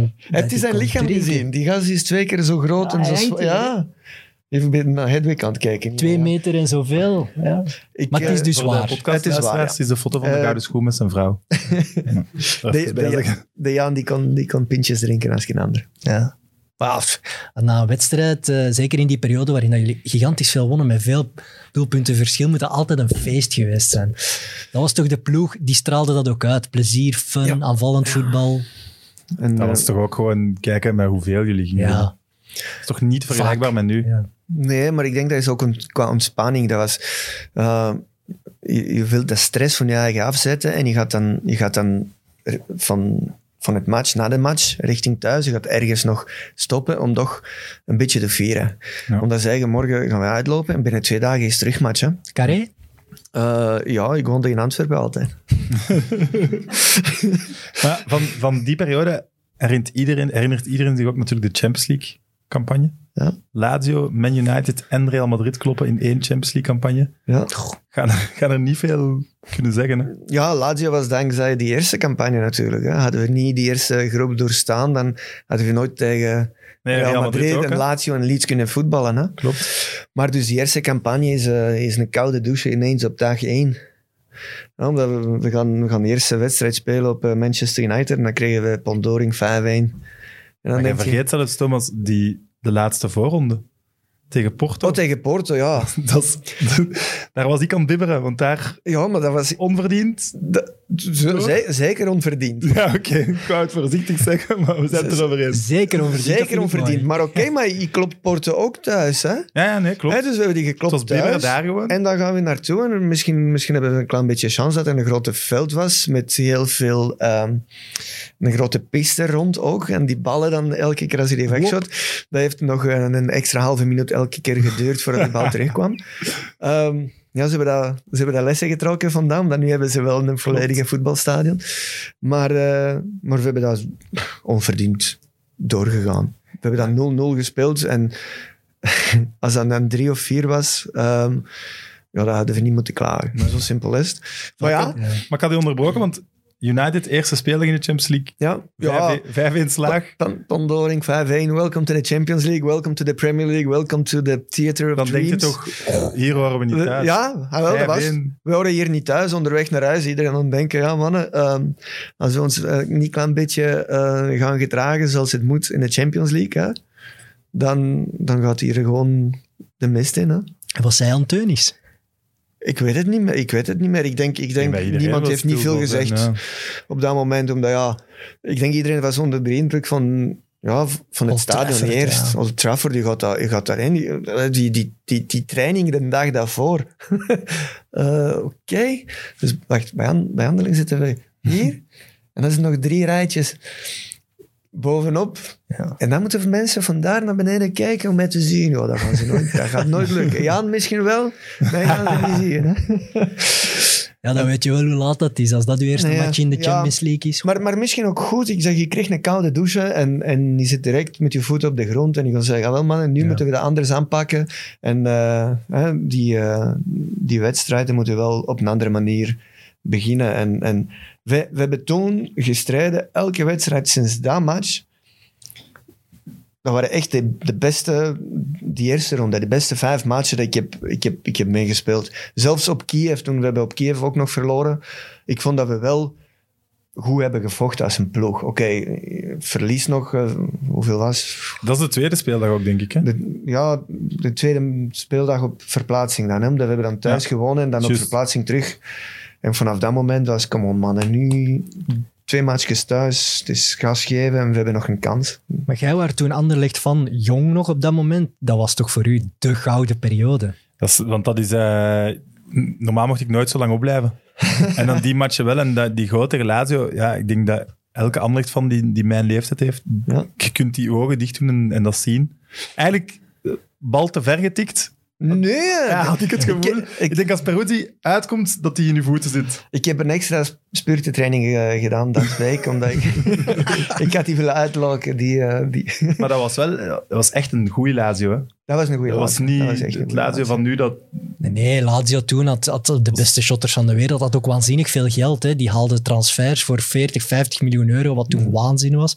Je loopt daar Nesta en Mihailovic. eh, Ja, oké, maar Mihailovic Eraf. was niet zo moeilijk om af te lopen. Nee. Dat moet ik wel toegeven. En Nesta Nesta, was- onder, en Nesta onderschat Nesta je, sta- denk ik. ja. ja, Nesta stond op de andere kant sowieso. En, eh, Maar, dat tikje, dat, dat tikje met, met, met, met mijn hoofd, dat heeft nog op een juiste moment mij terug binnen het eh, backline gebracht om, om toch die kans te krijgen om dat tik te geven aan de tweede paal. hè. Dus jij gaat nu zeggen dat Mihailovic en Nesta wegspelen, dat dat makkelijk was. Nee, ik, ik ga gewoon zeggen dat in die periode, ik spreek nu wel twintig jaar geleden, dat verschil eh, tussen een heel snelle spits zoals ik eh, en de verdedigers redelijk nog groot was. Hè, dus die verdedigers waren niet zo snel zoals nu. Hè. Nu heb je kracht en snelheid. Hè. Ik kijk nu een beetje naar, ja, zelfs naar Company, die een meter 3,94 is. En die zijn startsnelheid snel, en, en spurtsnelheid niet veel scheelt van die allersnelste in de Premier League. Hè. Allee, nu ook paar Ja, jaar nee, nee, geleden, maar je weet wat ik wil zeggen. Dus, ja. Dus het was makkelijk. weet, nee, je nog, maar, weet je nog hoe dat je het gevierd hebt? ja. ja, maar dat vergeet ik niet, omdat er komen heel veel mensen om... eh die heel grote horen. maar dat is wel een iconische viering, ja, maar, toch? maar weet je waarom? Weet je waarom ik En je dat op die gedaan? dingen gaan zitten, toch? Ja, maar de- die, die, die oortjes, dat kwam door... Ik had dat gevoel, dat was eerste wedstrijd in een lange tijd... Dat ik, ik heb onze publiek in het stadion heel weinig gehoord. Ze waren precies allemaal bang om te afwachten wat gaat nu gebeuren. Gaan we, hè? En, en dat was niet zoveel support als tegen die andere wedstrijden. Allee, tegen andere, hè, tegen Manchester en, en, en uh, Ja, Kievs. PSV en ja. Ja. Dus toen was veel meer lawaai in het stadion. En in deze keer ik dacht, ah wel, ik heb gescoord. Kom on man, nu lawaai maken. En daarom, ja, ik was moe na die speurtje van 60 meter. Even gaan dus ik, moet ergens, ik moest ergens gaan zitten. Hè. Kom Ah, toch laat een- jullie horen. En dat was, ja, hoe, hoe lang was het nog? Acht minuten? Dat gaat, eh, Ja. voor- hè, zoiets, hè. Zeker. En, eh, en dan dacht ik, kom on, nu de tweede adem nog krijgen van, van Bailey. Help ons. Krijg je nog kippenvel als je daar nu... Want ik, ik hoor u zeer bevlogen praten daarover. hè. Ja, maar dat is Maar een- ook over rekenen. Ja, Hij praat Ja. bevlogen.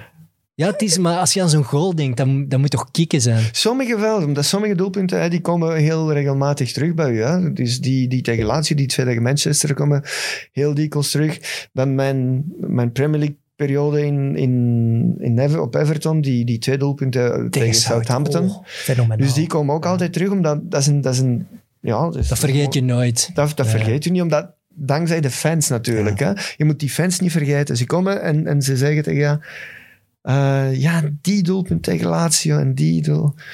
De enige dat ik spijtig vind, dat zijn mensen eh, die, die, die echte fans bij mij komen en zo van hey Alex, alles goed, Tjernia? Kan gebeuren. Ja, kan gebeuren. Ook, Pool, ook Poolse Het roots. is, hè. eh, het is dat eindig in ski, oké. Maar La- Lazio was een, was een straffe goal, maar United was toch de strafste match van de campagne. ja, Dat is, want er is nu zo- zo'n filmpje met Frank Razi daar zo ja, Ja. ja. in de cinemazaal, daar daar naar kijkt. Maar dat is... Die, die hebben sterk gezien gewoon, hè, United. Wat Ja. misschien het beste United ooit was eigenlijk. Hè? Ja, dat zou kunnen. Ik, was, ik denk dat er een wedstrijd was, een beste Radzinski ooit ook. Allee, de beste 60 minuten. Omdat ik had een kans na kans, maar echt een Maar kans echt niet normaal, kans. Ja, dat was niet normaal. Als een Barthez zijn dagen niet had, dan had hem drie of vier langs zijn oren gekregen van mij.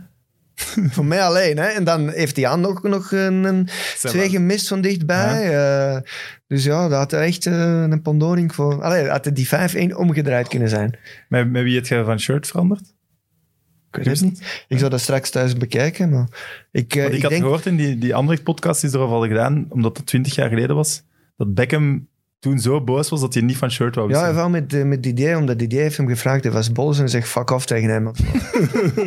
Ja, voilà, dat ja. Maar eh, Dat ik is het mooiste compliment, vind ik Wie eigenlijk. stond er tegen nu? Stam, zeg? Nee, nee, Neville. Neville? Sylvestre, dacht ik. Ja. Ik denk Stan was niet bij die, die wedstrijd. Ja. Dus misschien heeft Sylvester wel geruild gehad. Zou kunnen. Ik heb, ooit- ik heb ooit met Ruiken nadien met, met, met, met Keen eh, gewisseld, omdat ik vond dat hem...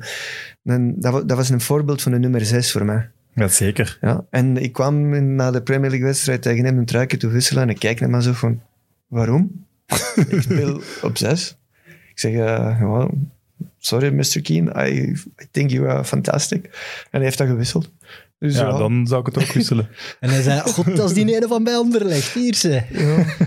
Maar die match is, heeft voor u toch veel veranderd? Want ik denk, een wedstrijd tegen Man United op dat niveau, dan gaat de Premier League wel eens kijken, eh, wie is dat daar in ja, België? Anderlecht gaat door in die Champions League poelen ook. Dan Ja. denk ik dat elke scout al is, tja, ja, die ploeg uit België, plus ja, de vijf doelpunten maken in de, in de, in de Champions League, Ja, eh, op, dat, hè. dat begint ook te tellen. En dan, het is, ik denk, combinatie van. Plus hij speelde ja, tegen Sir Alex Ferguson zijn ploeg. En hij gaat natuurlijk mijn naam laten vallen bij zijn Schotse vriend in Everton. Daar heb ik achteraf wel gehoord dat dat zo was. Of het nu 100% Dat zou goed klopt, kunnen, dat weet ik niet. Maar, maar Walter Smith was ook een Scotsman en die, die was op zoek nog naar een, eh, naar een spits in de zomer. En toen heeft hem mijn naam laten vallen, schijnt.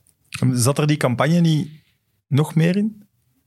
Ja, Goeie vraag. In die tweede, in die Ja. tweede groep? ook. Ah, wel, Ik herinner me zo dat gevoel- dat ah, wel, dat, dat zo dat de matchen waren van... Dat mm, gevoel had ik altijd. Ik vond, ik vond toen, eh, hè, de spelers is altijd normaal als ze een beetje te kakkie zijn. Maar op dat moment was hij mij een beetje te kakkie.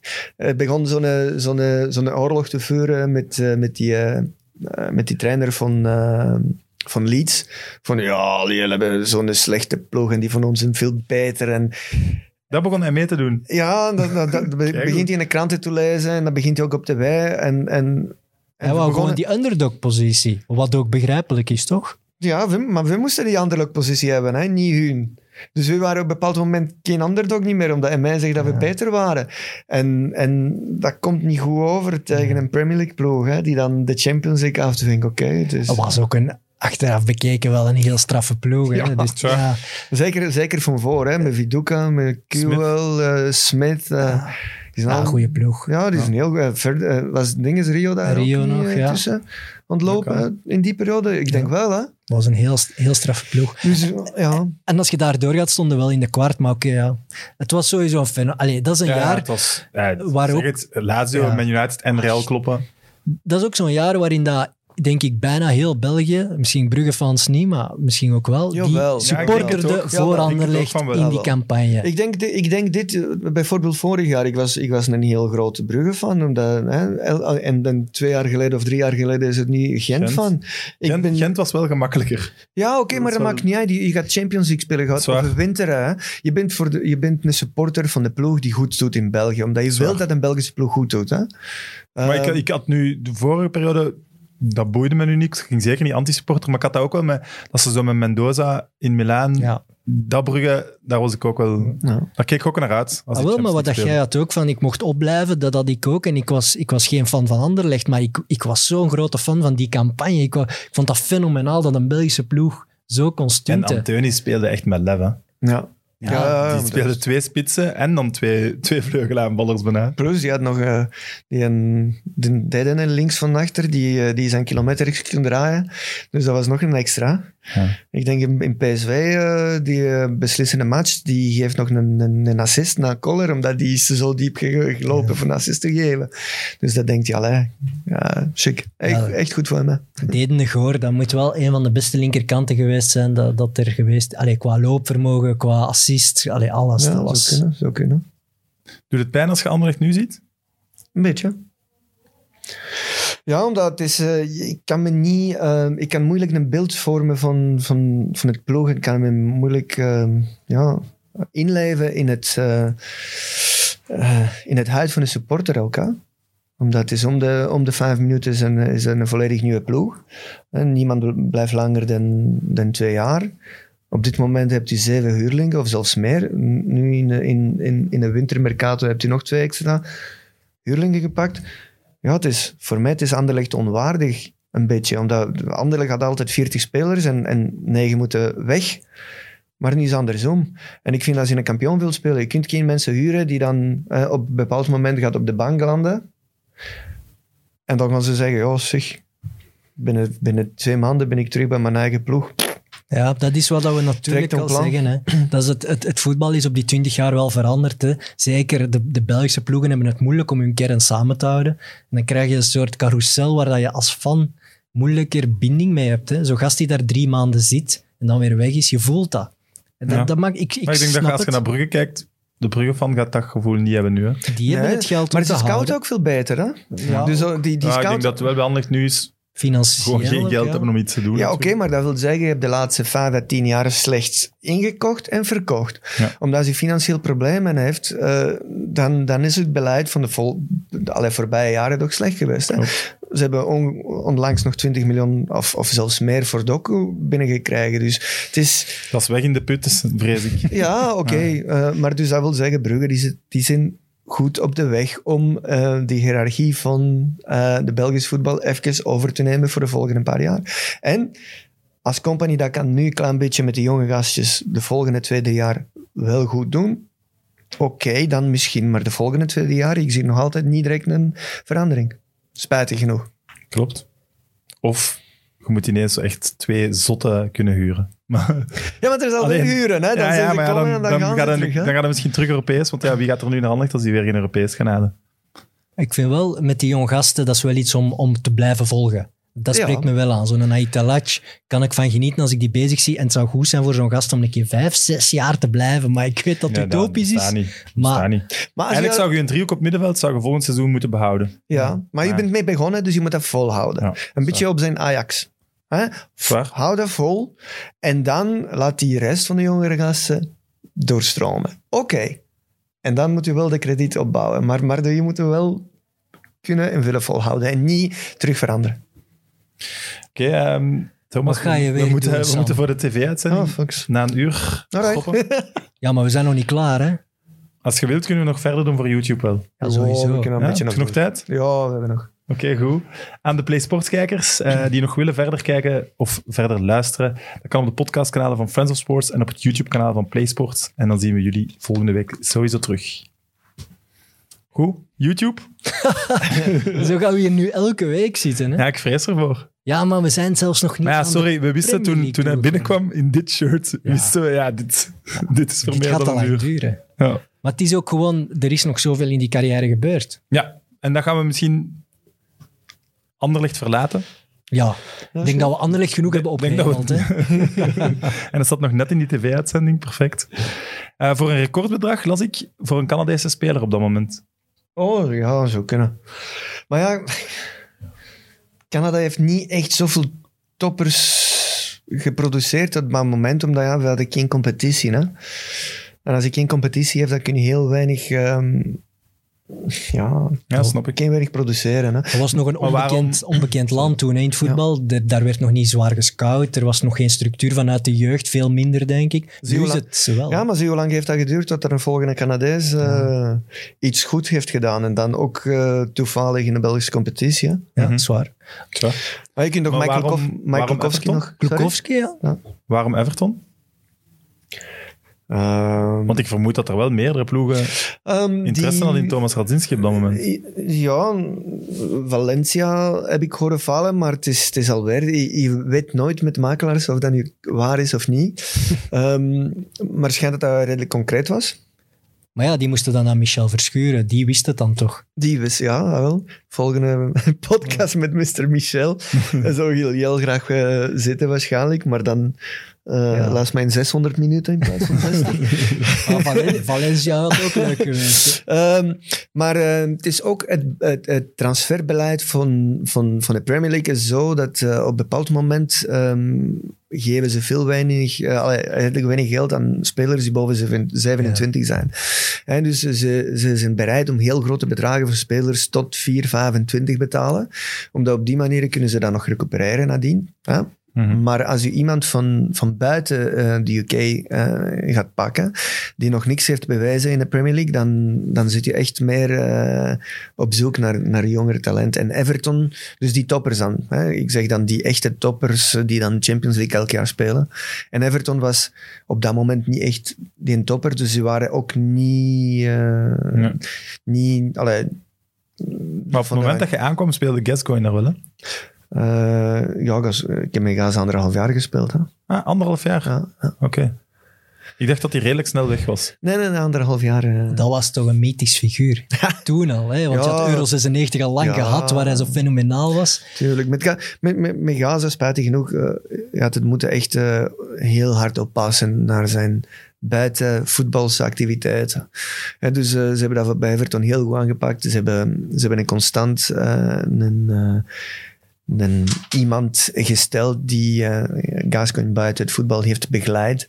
Hem constant eh, dingen laten doen, zoals vissen, een restaurant gaan en, en proberen sober te houden. Dus hè, geen alcohol de hele dag.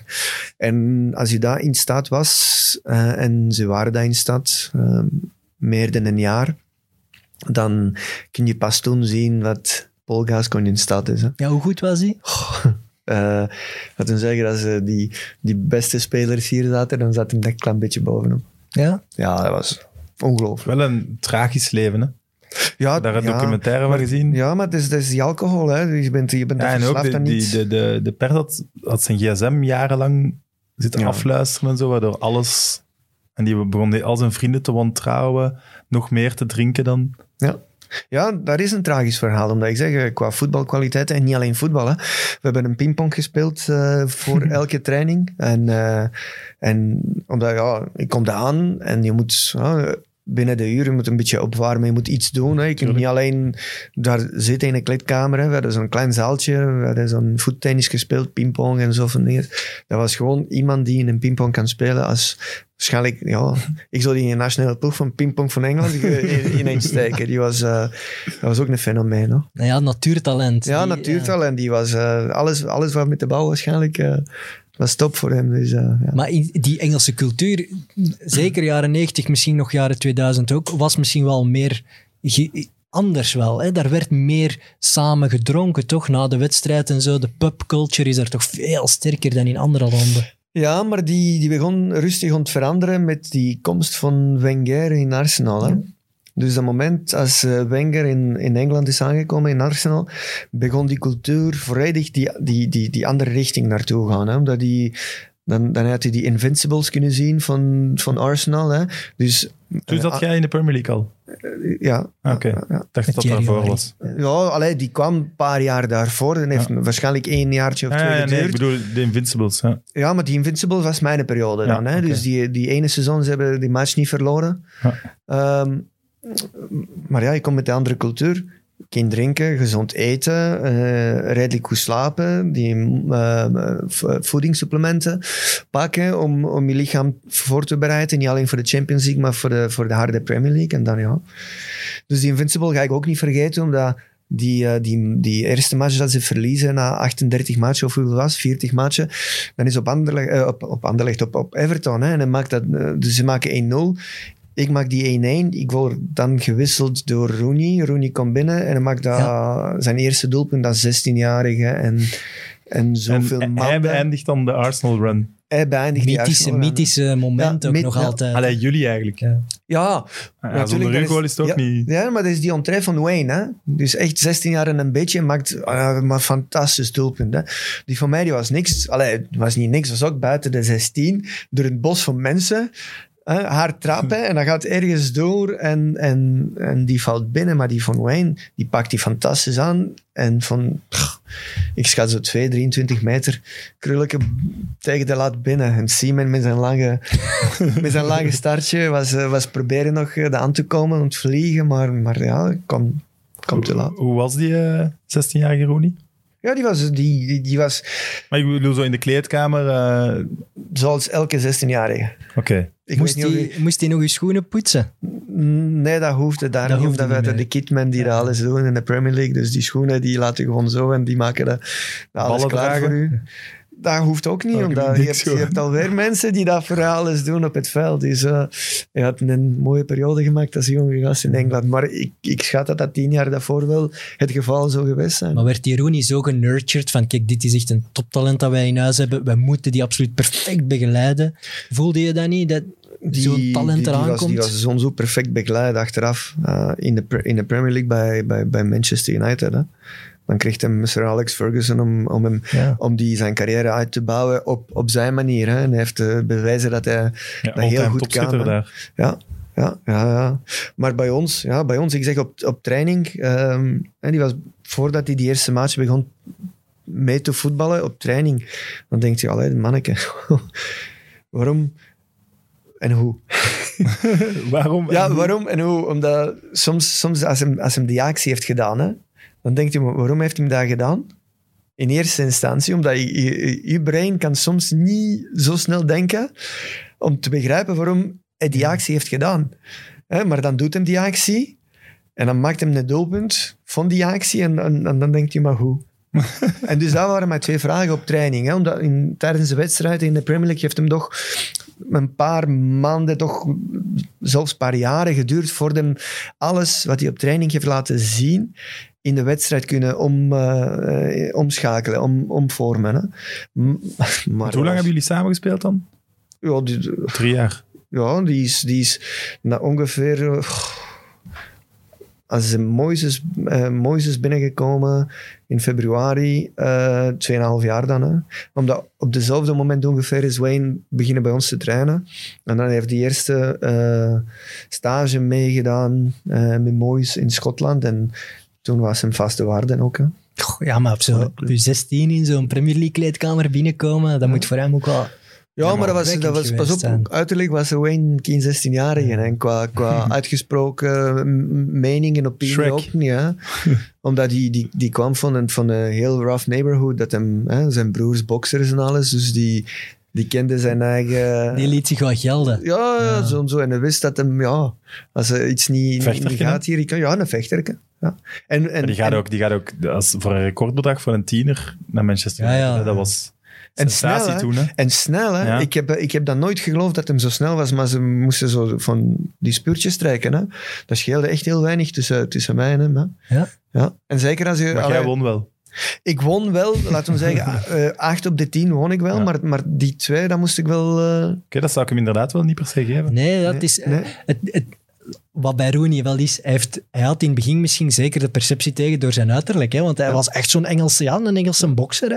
Zo zag hij er ook uit. Hij was geen stylist gelijk een Ronaldinho of zo, snap je? Dus je zou hem dat niet geven. Tot inderdaad dat je hem sommige goals zag maken, echt fenomenale Ja. doelpunten. Je zou hem dat niet geven. Ja, klopt. Heb je daar eh, nog ooit contact mee? Met Wayne, de laatste keer was op de trouwfeest van, van Edwin van der Sar.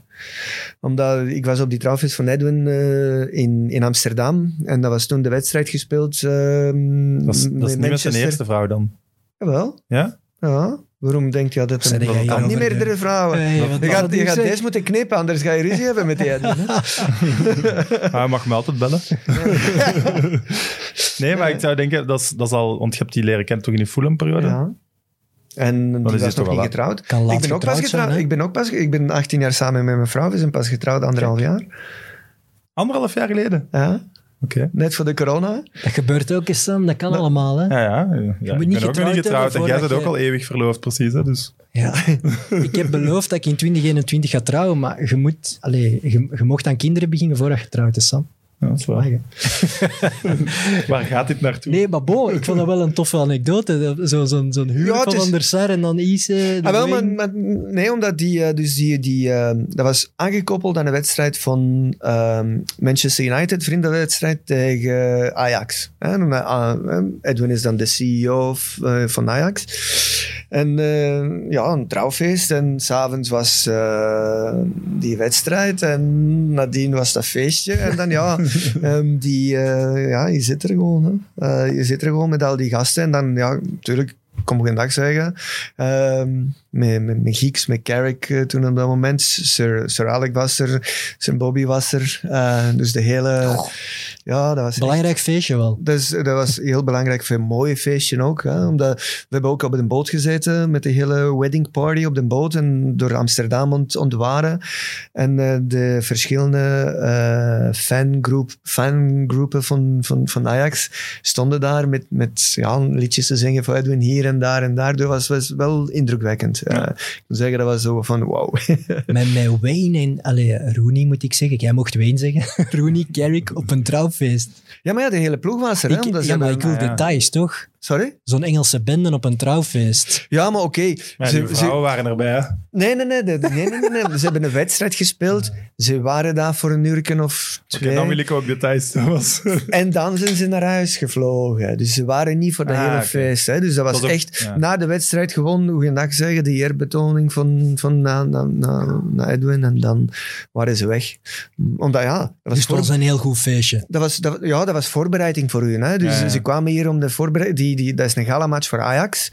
Eh, dus dat wil zeggen, dat is ongeveer een week, misschien tien dagen voordat die competitie in Ah, ja, Engeland begint. Hè. Dus voor hun is ook... eh, eh, ja, ze, moeten, ze, ze mogen niet te lang blijven. Hè. Maar het was echt mooi, eh, mooi om die, al die mannen daar te zien. Ik heb een vraag van Tomba nog over, over de jonge Wayne Rooney. Mocht hij al mee naar de pubs met jullie?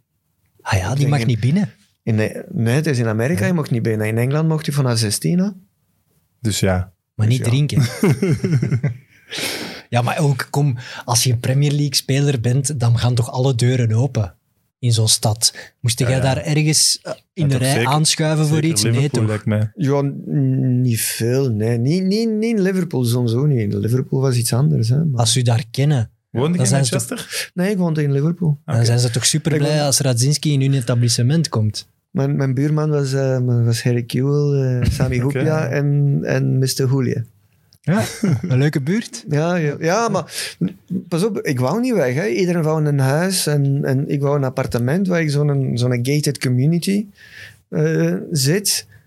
En ik denk, eh Mr. Julia en, en Sami die dachten het- net hetzelfde. Hè. We woonden, hè. Er waren drie appartementsgebouwen niet ver, allee, naast elkaar in dezelfde community. En we woonden daar. Het is, het is gewoon goed, rustig, niet ver vanuit de training. Als ik naar Manchester wou gaan, dan kan ik nog altijd die 40 minuutjes rijden. Maar elke dag van Manchester naar Liverpool rijden, dat is verlies van tijd. Ja. Maar je hebt er nu wel veel die dat doen, hè? Ja. Liverpool maar en Everton spelen Toen die ook, daar gaan hè? wonen. Toen, Ah, ook, hè? Toen Knutsford en Winslow en Manchester. dan- Wimslow. Ja, ze, ze doen dat heel dikwijls. Maar ik vond dat als ik naar Manchester wil gaan, dan kan ik nog altijd met een taxietje of, of zelf rijden. Maar als ik eh, na de training kapot ben, ik wil naar huis gaan en, en relaxen. En daar is maar een kwartier van naar huis in plaats van 40 minuten tot een uur. En met spelers van Liverpool, dat is ook wel leuk, hè? Everton, Ja. Liverpool, door elkaar. Eh, mijn mijn, mijn goede, goede, goede vriend geworden toen op dat moment was eh Dudek. ah ja. Hè? Dus de keeper van, de keeper van daar. Hè? Omdat op, op mijn eerste... En uh, Polo ook, hè? Ja, ja. Ja, ook. Canada. Ehm, nee, het is uh, dat, die eerste wedstrijd uh, dat we tegen elkaar speelden. Ik, uh, dat was ook een van zijn eerste wedstrijden. Dus de derby tegen de Liverpool-Everton. En, en ik, ging, ik moest altijd voor de keeper gaan staan. En ik begin tegen, tegen hem te lullen in het Pools. En ik zeg, ja, als, als je hem laat scoren vandaag, dan gaan we vrienden blijven forever. Hè. Alsof het zoiets kijk- vriendelijk was. Ja, en dan kijk ik zo naar mij zo van, oh, ik wist niet dat je een, een, een Polen bent. Ik dacht dat je een Canadees en alleen, alleen Engels sprak. Dus ja, dat was een van die momenten en zo. Een beetje goed uh, vrienden gebleven. En, Ah ja, dat is wel leuk. Hij heeft ook lang bij Feyenoord gespeeld, dus hij kan misschien wat Nederlands. Ja, maar dat gaan we nooit doen. Hè. Dus als twee Polen Pools kunnen spreken, dan gaan ze nooit een andere taal spreken. Dat is waar. ik, kom, ik kom in Mechelen ook heel veel Polen tegen en dat is, in, dat is wel... Dat is wel En daar spreekt je dan ook Pools mee. Nee, maar ik hoor, ik, ik hoor die mannen onderling ook altijd Pools spreken en dat is wel een cultuur. Hè? Dat, is, allee, dat is wel een, een heel trots land. Ja, Al die mannen. Die, ja, die- ja. ik vind dat wel mooi. Die gaan Maar- ook heel vaak terug naar, op vakantie altijd naar Polen. Maar eh, waarom de overstap van Everton naar Fulham? Want ik had altijd het gevoel dat je wel veel speelde in Everton. En dat dat ook wel Ja, ik speelde goed veel. liep. Ja, ik, het, is, het is een heel raar verhaal. Ik wou... Hm. Ik wou, ik wou blijven. En ehm, ik ben speler van het jaar geworden, dus bij Fulham eh, dat seizoen. En toen, toen ga ik bij, bij, bij David Moyes. eh, om te, om, ik had geen makelaar, hè. dus ik ben dan zelf gaan vragen. Ehm, Eh, bewust niet? Of? ja, bewust niet, ja. Omdat zelfs, zelfs- Geen makelaar. Gewoon zelfs- niks. Ja, zelfs mijn transfer van Anderlecht naar Everton is gehijacked door, door een makelaar. hè. Dus die, die, die, Die gewoon die fee, die kwam Die, tegen die, die fee. transfer, die transfer was rond. eh, en zo te zeggen, ik wist hoeveel dat ik nog verdienen. Eh, ik, wist niet, ik wist hoeveel de transfer ging zijn.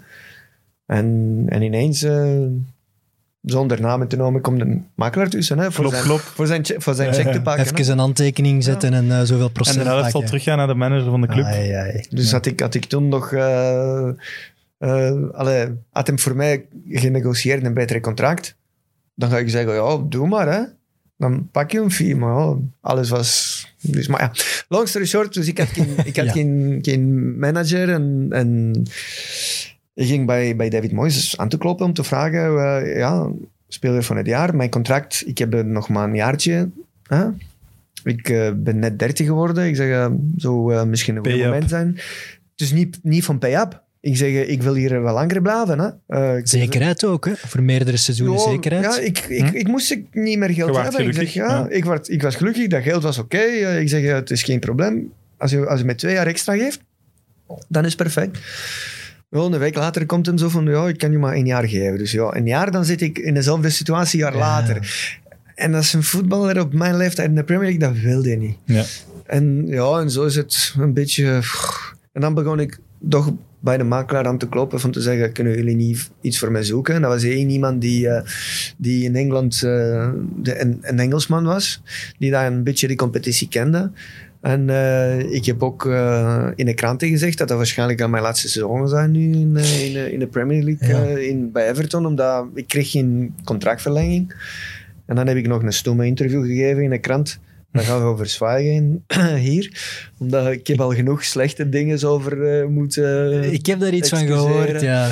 Ehm, en dat was ook over Wayne Ja. Rooney. Maar Dat vooral, Ook. hè. Dat, ja, Dus het ging Ja. ook over iets anders. nee, dat ging over Wayne Rooney. Nee, maar jij had, jij had, dat wordt door eh, Everton-fans gezegd dat jij Wayne Rooney hebt aangeraden om te vertrekken bij Everton. Ja, zo te zeggen, aan een betere ploeg. Terwijl dat, dat zo was, maar niet zo bedoeld was. Ja. Dus ze hebben dat, eh, die, die, die fans van, van Everton hebben het zo eh, begrijpen als Everton geen goede ploeg is. Ja.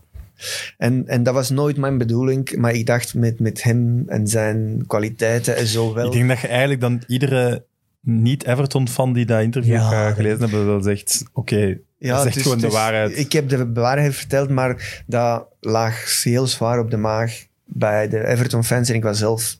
eh, ik heb zelfs twee, two weeks salary moeten voor inleveren.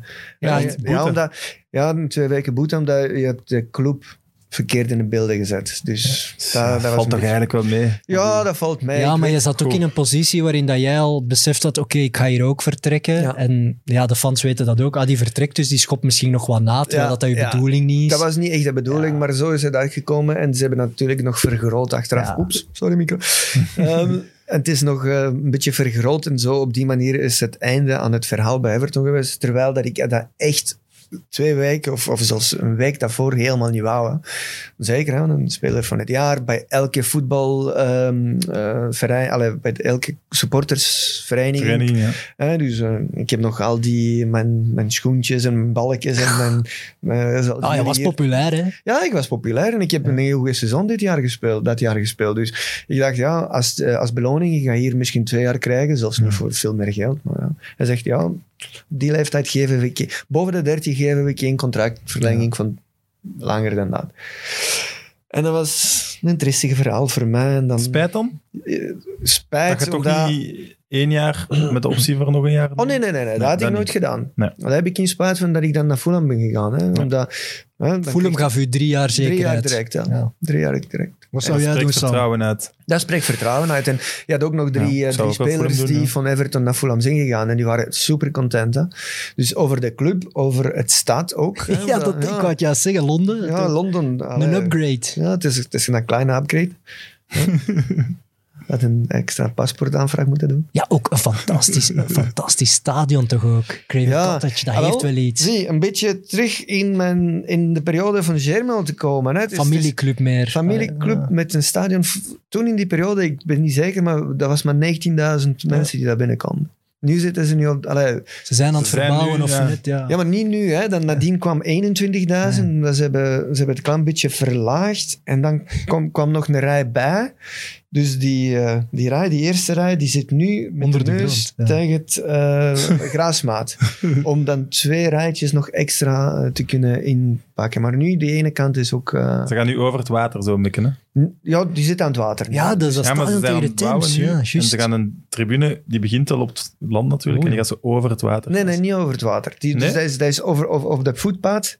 En die voetpad die naast het water loopt, die gaat het onder het stadion door. graaf. Om de andere zaten ze in plaats. Hè? Ja. Dus eh, zo, zo wordt dat nu gebouwd. Hè? Maar ook dat Fulham, als je dat wat gaat researchen, was ook gewoon een fijne ploeg. Hè. Ze hadden Ja. wel leuke spelers. Ja. Oké, ja, het is misschien nog iets, iets lager in het klassement dan Everton, alhoewel ja, je met Everton ook wel twee seizoenen tegen degradatie hebt gespeeld. Ehm, maar Fulham was misschien van naam minder, maar qua gezelligheid denk ik en qua sfeer misschien wel beter. Want van Eh, Everton werd altijd heel veel verwacht nee, en het kwam er niet uit. Qua, qua sfeer niet, omdat het is de, de Everton stadion is ook zo'n oude stadion Ja, ja. Die, die, die zijn charmes had. Hè? Dus dat, Maar in de en- club, En ja, en, en je, had, je had echte fans. Hè? Dus eh, ik moet zeggen, in, bij, bij Everton had je die echte Evertonians fans. Hè? Bij Fulham heb je meer ehm een, een Toeristen? theaterpubliek. fans. Ja, ja. ehm, die ja, je hebt ja. ehm, het, is, het is anders. En het is Ik snap niet, het wel, ja. Eh, Hoe heet het stadion van Everton nu? Craven Cottage. Of van Nee, Everton. Goodison, Goodison Goodison, Park, Park, ja. ja. Dat is inderdaad, oké, ja. Qua sfeer en qua beleving is Everton wel Ja, dat was toch. nog meer, ja. Moest je dan onderhandelen met Dodi El Fayed? nou, ik heb die onderhandeling achteraf toch niet gedaan. Hè? Dus dat was echt Oké. via de makelaar toch gebeurd. Hè? Dus eh, Maar zo Al-Fayed kwam die binnen in, in de ja, die kwam kleedkamer. regelmatig binnen. Ja. Die kwam regelmatig ook Dubbele prim. Driedubbel, toch? In de Premier League, dat is echt niet veel. Hè? Nee, nee. het basissalaris was goed genoeg. Basissalaris was eh, redelijk goed. Dus ja, het is, eh, in de Premier League speelt je mee voor de, voor de eer om te winnen. Hè? Tuurlijk. Je wilt nooit, je wilt, niemand wil verliezen. Hè? Nee, Maar nee. En zeker in de Premier League, je wilt, je wilt nooit zakken. Dat is, dat is het voornaamste wat dat is. Zeker met, met, met een ploeg met een redelijk kleine geschiedenis in, eh, in, in de Premier League. Hè. Die, die, waren, die, wa- die waren ook van Division 3, 2, Championship Ja. naar Premier League over een heel korte periode gekomen. Hè. Dus Oh, die, die voorlijn, ik was nog even gaan opzoeken. Luis Boamorte, Andy Cole Deep, Radzinski rechts. Qua, qua, qua cultnamen vind ik dat wel iets briljant. Montella, Vincenzo Montella. Montella ook nog erbij. Dat zit er ook tussen. Hè. En dan Van der Sar in de goal. Dat zijn wel ploegen, met alle respect. Allee, dat kunnen wij niet vergelijken met Belgische ploegen. Hè. Qua naam, qua... En die mannen die, die moesten inderdaad spelen bij de... bij- ja, voor erin te blijven was echt een gevecht. Dus dat, dat is ook mooi. Hè? Dat zo'n Ja, Van der. Sar daar het beste van zichzelf staat te geven bij Fulham. Ik vind dat wel mooi. Ja, bij Everton was ook eh, de, de speler van het jaar in, in, van de, bij de spelers gekozen twee keer. David Ginola, die zat ook bij ons. Ginola. En dat was zo'n, zo'n, voor mij dat was een triste verhaal.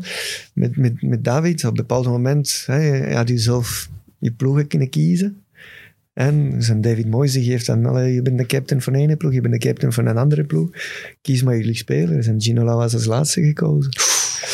Het is niet door zijn kwaliteiten als voetballer, hè. het is zijn kwaliteiten als verdediger. Hè. ja, dat denk ik. ja. In, de Premier, in de Premier League, je moet, je moet, aanv- je moet aanvallen, je moet verdedigen. Maar, maar David die, die heeft altijd gewacht op zijn balkje en dan begint zijn actie te maken. Maar een bal heeft verloren, ja, dan dat zijn de verdediger, voet- dat zijn de verdediger was voor die anderen. Hè. En, en op een bepaald moment, ja, iedereen had dat door. En, en het is alleen een beetje spijtig voor zo'n een icoon in voetbal, dat je dan als laatste wordt gekozen naar al die jeugdspelers die dan van de Maar als, als je mij dat lapt en ik ben die ster, dan ga ik wel Ja. gewoon naar binnen. Zo. ja, dat was echt dat, was- dat een tristige verhaal eh, om, om te kijken. Maar, Ja, maar je, je bent dan uitgenodigd, zegt je, op Van der Sar zijn huwelijk. Ja. Dus je kwam daar toen wel goed mee overeen. ja, omdat ik sprak een beetje Nederlands. Hè. Ja, ik denk dat dat in Nee. Engeland, dat iedereen wel Engels kan, dus dat dat niet zoveel uit. Ja, maar dat klopt. Maar we waren, Ja, we, waren, we waren redelijk dicht ook, omdat we woonden ook niet ver van elkaar en eh, hij die sprak Nederlands en, en je, je houdt het ook. eh, het, is, het, is, het is nog altijd Engeland, hè? dus die Mhm. Engelsen die hebben hun, eh hun kliksjes, ja, de kliksjes en dan bent hij in Nederlands en je gaat soms op, op, op stap. Hè. Mijn vrouw dan en, eh, Ah, ja, vrouw van Van der Sar, hè, die, die, die kunnen ook, ook over iets anders spreken, hè, met iemand anders zien en ook in Nederlands blijven. Wanneer gaan ze mij eindelijk ten huwelijk vragen? Dus, eh, nee, maar dat was eh, echt, echt Ah, mooie, ja. mooie geste van hem. Daar hebben jullie samen afgesproken, jij en Edwin, om niet te snel te trouwen. Zo was het. Zag je daar toen al algemeen directeur in? Ja, Ja, altijd. ja, maar ik denk, ik denk op, op, die positie, ehm, normaal gezien elke keeper, 99% van al die keepers zijn gek. anders, anders ga je... je- Anders zeg je veldspeler. Ja, maar anders ga je niet als je beroep eh, gaan tussen die, die latjes staan en laten andere mensen een bal op jou schieten op 140 per uur. Sorry, hè. Nee, en moet je moet hopen dat het tegen je lijf is. Ja, maar, maar, maar met Edwin was het een beetje anders. Die was, die was niet gek. Die was echt professioneel gek. Oké. Dus, eh, Intelligent. ook, heel, ja. Maar daarom kun je dat zien, dat hem dat, het is heel rustig. Dat was heel rustig en met uit, voor alles een uitleg. En, en een goede uitleg. Het is niet zo van... Dat heeft hem nu nog. Maar voor hem, Onana-pilletje. ja, ja, Een met Onana, heel dat verhaal. Hij kan het nog altijd heel goed uitleggen, dat is zeker waar. Maar ook voor Van der Sar was Fulham superbelangrijk. Hè? Want hij had eigenlijk bij Juventus ja, een beetje gefaald. Tegen Buffon verloren. Een herstart eigenlijk. Hè. Fulham was zijn kans om terug naar de top te gaan. Het is hem ook gelukt, dus ja, wel chapeau. Ja, en dan van Fulham nog naar Manchester, een Ja. transfer Ja. achteraan. Hè? Dus, eh, En daar. En hij kon u de niet meenemen. Als beste vriend. ja, nou, te oud, te oud. dus dat waren, dat waren gasten die sneller waren dan ik. Ja, dat is ook waar. Ik En jij nog- wou naar Griekenland. Ik- ja, naar Griekenland, ja. ja. Wat was dat? Vond- vind ik een rare zet eigenlijk. Nee, maar omdat we hebben een trainerswissel gehad bij Fulham. Hè? Mhm. Trainerswissel, de laatste vijf wedstrijden van het seizoen. We kregen een trainer, een Loris Sanchez. Eh, in, plaats van, in plaats van Chris Coleman. We moesten nog één wedstrijd winnen. We waren safe. Maar we kregen een trainerswissel en komt Loris Sanchez. En eh, ineens al het plezier van al mijn leven in voetbal was opeens verdwenen. Ik was drenched. Echt. Ja. Ik had een contract, omdat Chris Coleman die heeft een contract voor mij klaar eh, sinds februari. Een, een verlenging van één, van één seizoen. Maar dan zat ik alweer in dezelfde situatie van Everton toen. En ik dacht, ja, voor één seizoen, dat ga ik niet doen. Omdat, dat wil zeggen, je bent dat ook al ouder. Dus dat wil zeggen, meestal op de bank beginnen. Misschien zelfs niet, soms misschien invallen. En ik zag mijn eigen nog veel te fit om, om dat te doen. Maar nu, vijf weken voor het einde van het seizoen, komt Lori Sanchez. En die zijn trainingen die waren top. Die zijn aanpak tegen die andere spelers en alles was top. Dus ik heb beslist, dat top moet ik niet met mij doen. En toen heb ik beslist, eh, gezegd tegen mijn vrouw, ik zeg, ik, ik amuseer me niet mee. Dus of ga ik daarmee stoppen, ga ik Maar wat was het dan? zoeken. Had, had- hij had gewoon geen goede klik met die spelers? Of hij had Ja, spelers waren nog altijd hetzelfde. Hè? We waren nog vijf wedstrijden voor het eind van het seizoen. Hè? Maar jullie konden hem niet af. Jullie wouden hem niet. ik, moest, ik moest hem niet hebben. En als je, als, je, als je met iemand niet kan werken samen, dan is het beter die... de- mijn contract die liep zo en zo af. Dan is het beter om te zeggen, ehm, let's part ways.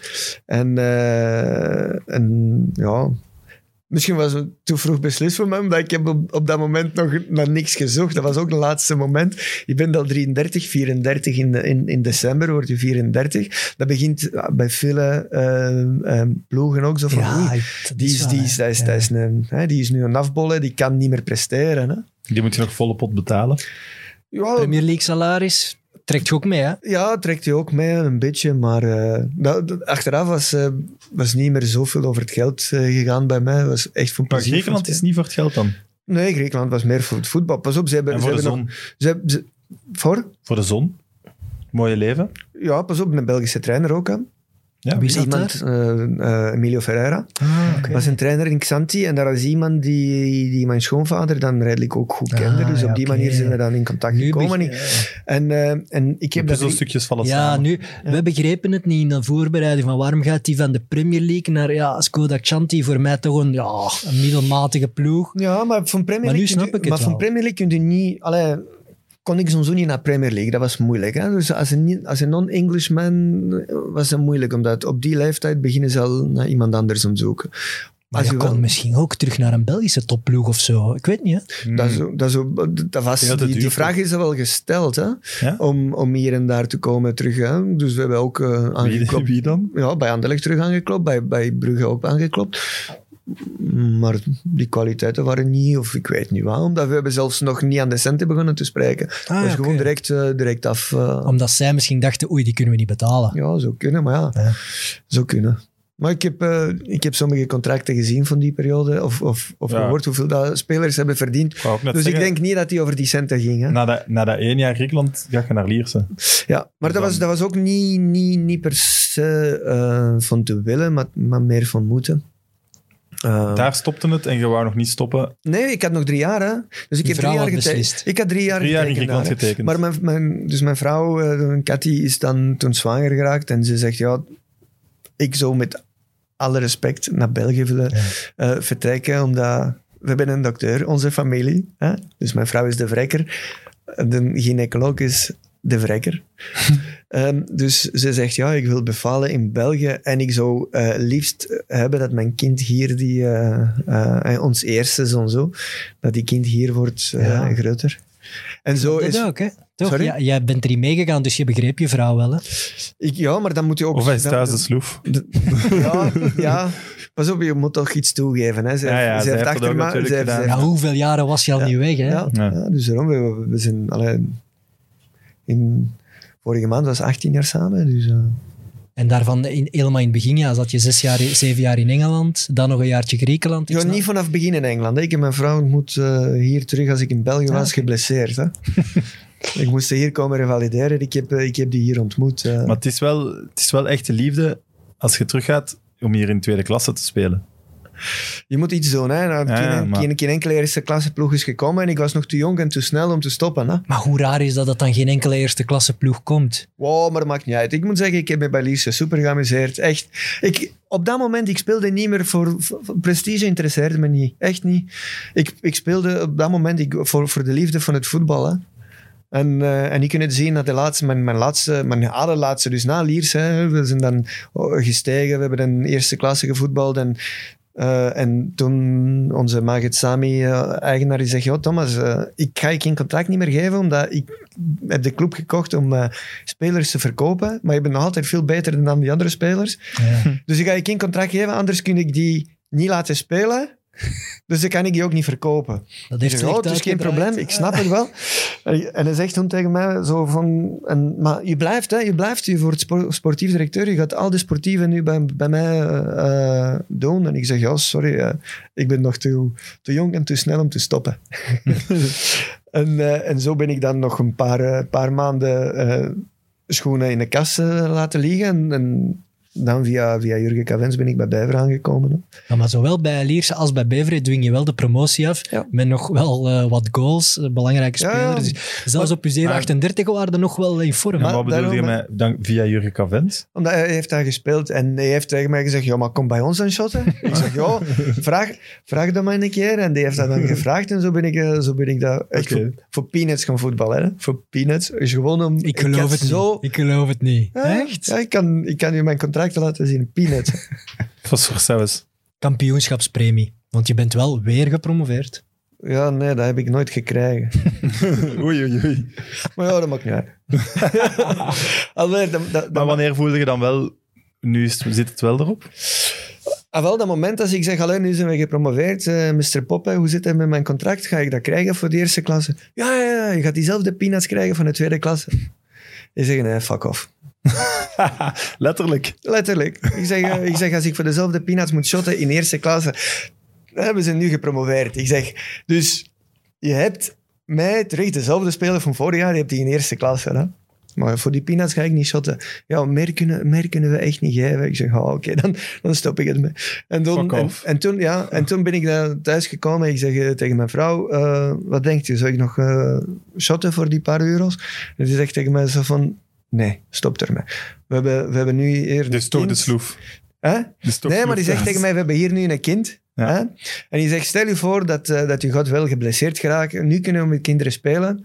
Als je wel een serieuze blessure nu gaat hebben, eh, geen artrose, geen niks, geen niks, stop. Het is beter één, één jaar of, of twee jaar of twee maanden te vroeg dan één minuut te laat. Klopt. En toen heb ik gezegd zo van, ja, Mooi gezegd. ja maar dat was een slimme hè. Een slimme, hè? Ja, Ja, ik- slimme. Maar en dan wel nog naar Sammy gebeld voor Lierse. Nee, hij heeft terug naar mij gebeld. Ik zei, oh, nu zijn je gestopt, kom dan niet terug bij Lierse. En dan zo is het... ehm, zo is het in motion gegaan. Hè. Dus, Speciaal man toch? Ja, Sammy. speciaal, maar, maar heel... Alle vrije man die, die, die heel dikwijls lacht. En, Een beetje te veel misschien, een beetje te laconiek allemaal aangepakt, toch? Ja, om, het is, ik denk, maar het is, het is in de natuur en ook in de cultuur. Ehm, nagelang op welke kant van het bed je wordt wakker. Soms kun je eh, beslissingen nemen met een dikke glimlach. En Ja. de verkeerde beslissingen nemen, soms zonder na te denken. Heel wispelturig. Ja, Ja. ja. ja. Spijtig wel, want ik, dat, dat is voor Liersen natuurlijk een periode die ze graag zouden willen anders zien. Hè. Ik, eh, Maar hij heeft er lang gezeten nog wel, hè? Heel lang. ook, ja. Ah ja, want die, die tijd dat hij promoveerde met jullie was zoiets van Liersen is back, weet je. En nu staat er een verhaal, maar dat verhaal is mislukt met die jonge gasten. Hè, waarvoor dat ze u hebben weggedaan, dat is mislukt. Ja, omdat die, die jonge gasten, die waren ehm, met alle respect verkeerd opgeleid. Heel veel. Hè? Die, ze waren in een, in een cocoon, in een, in een bol. En die moesten bij elkaar blijven. Maar, maar in, de, in die bol van de spelers dat ze hebben gekwekt, waren allemaal middenvelders. Hè, dus dat was op de training vanaf 12 jaar tot 16, 17. Zat ik in spits. Eh, geen verdediger, sorry. We gaan beginnen, zat ik in keeper. En als ik Geen een keeper heeft, Geen match. eh, dat, dat heeft ik geen. Ja. Als ik geen maatje heb, kun je alleen op balbezit spelen. Dus je hebt twintig spelers die op dezelfde positie kunnen spelen. Omdat je moet niet verdedigen de goal en je moet niet aanvallen. Dus ja, eh, en met, met- op, op deze manier kun je echt moeilijk een volwaardige ploeg in eerste klasse eh, beginnen te kwijken. Dus ja, voelt wel aan alles dat hem een echte liefhebber is. Als je op die leeftijd nog in, inderdaad in tweede klasse u wilt gaan bewijzen, dat vind ik al, ik vind dat wel schoon. Ja, ik ook. En dat- ja, Nee, ik vond, weet, maar weet je ook waarom? Hè? Omdat ik, ik, ik zeg, is op, op bepaalde leeftijd, eh, iedereen zegt, ja, 35, het is al versleten. En, en zeker die spitsen, die kunnen dat niet meer. Het is zo hè, je kunt vandaar nog naar achter en naar achter en misschien als libero nog spelen. Ah, wel, maar ik, ik had zoiets van, nou wel, dat ga ik nog laten zien, dat ik zelf op 39 nog eh, in de top 5% snelste speler ben op het veld. Ja, en dat was ergens zo'n... eh, je bent gezegend wel met een kwaliteit, namelijk die snelheid. Die en het feit dat dat niet zo hard is afgebot, dat is wel een... Ja, dat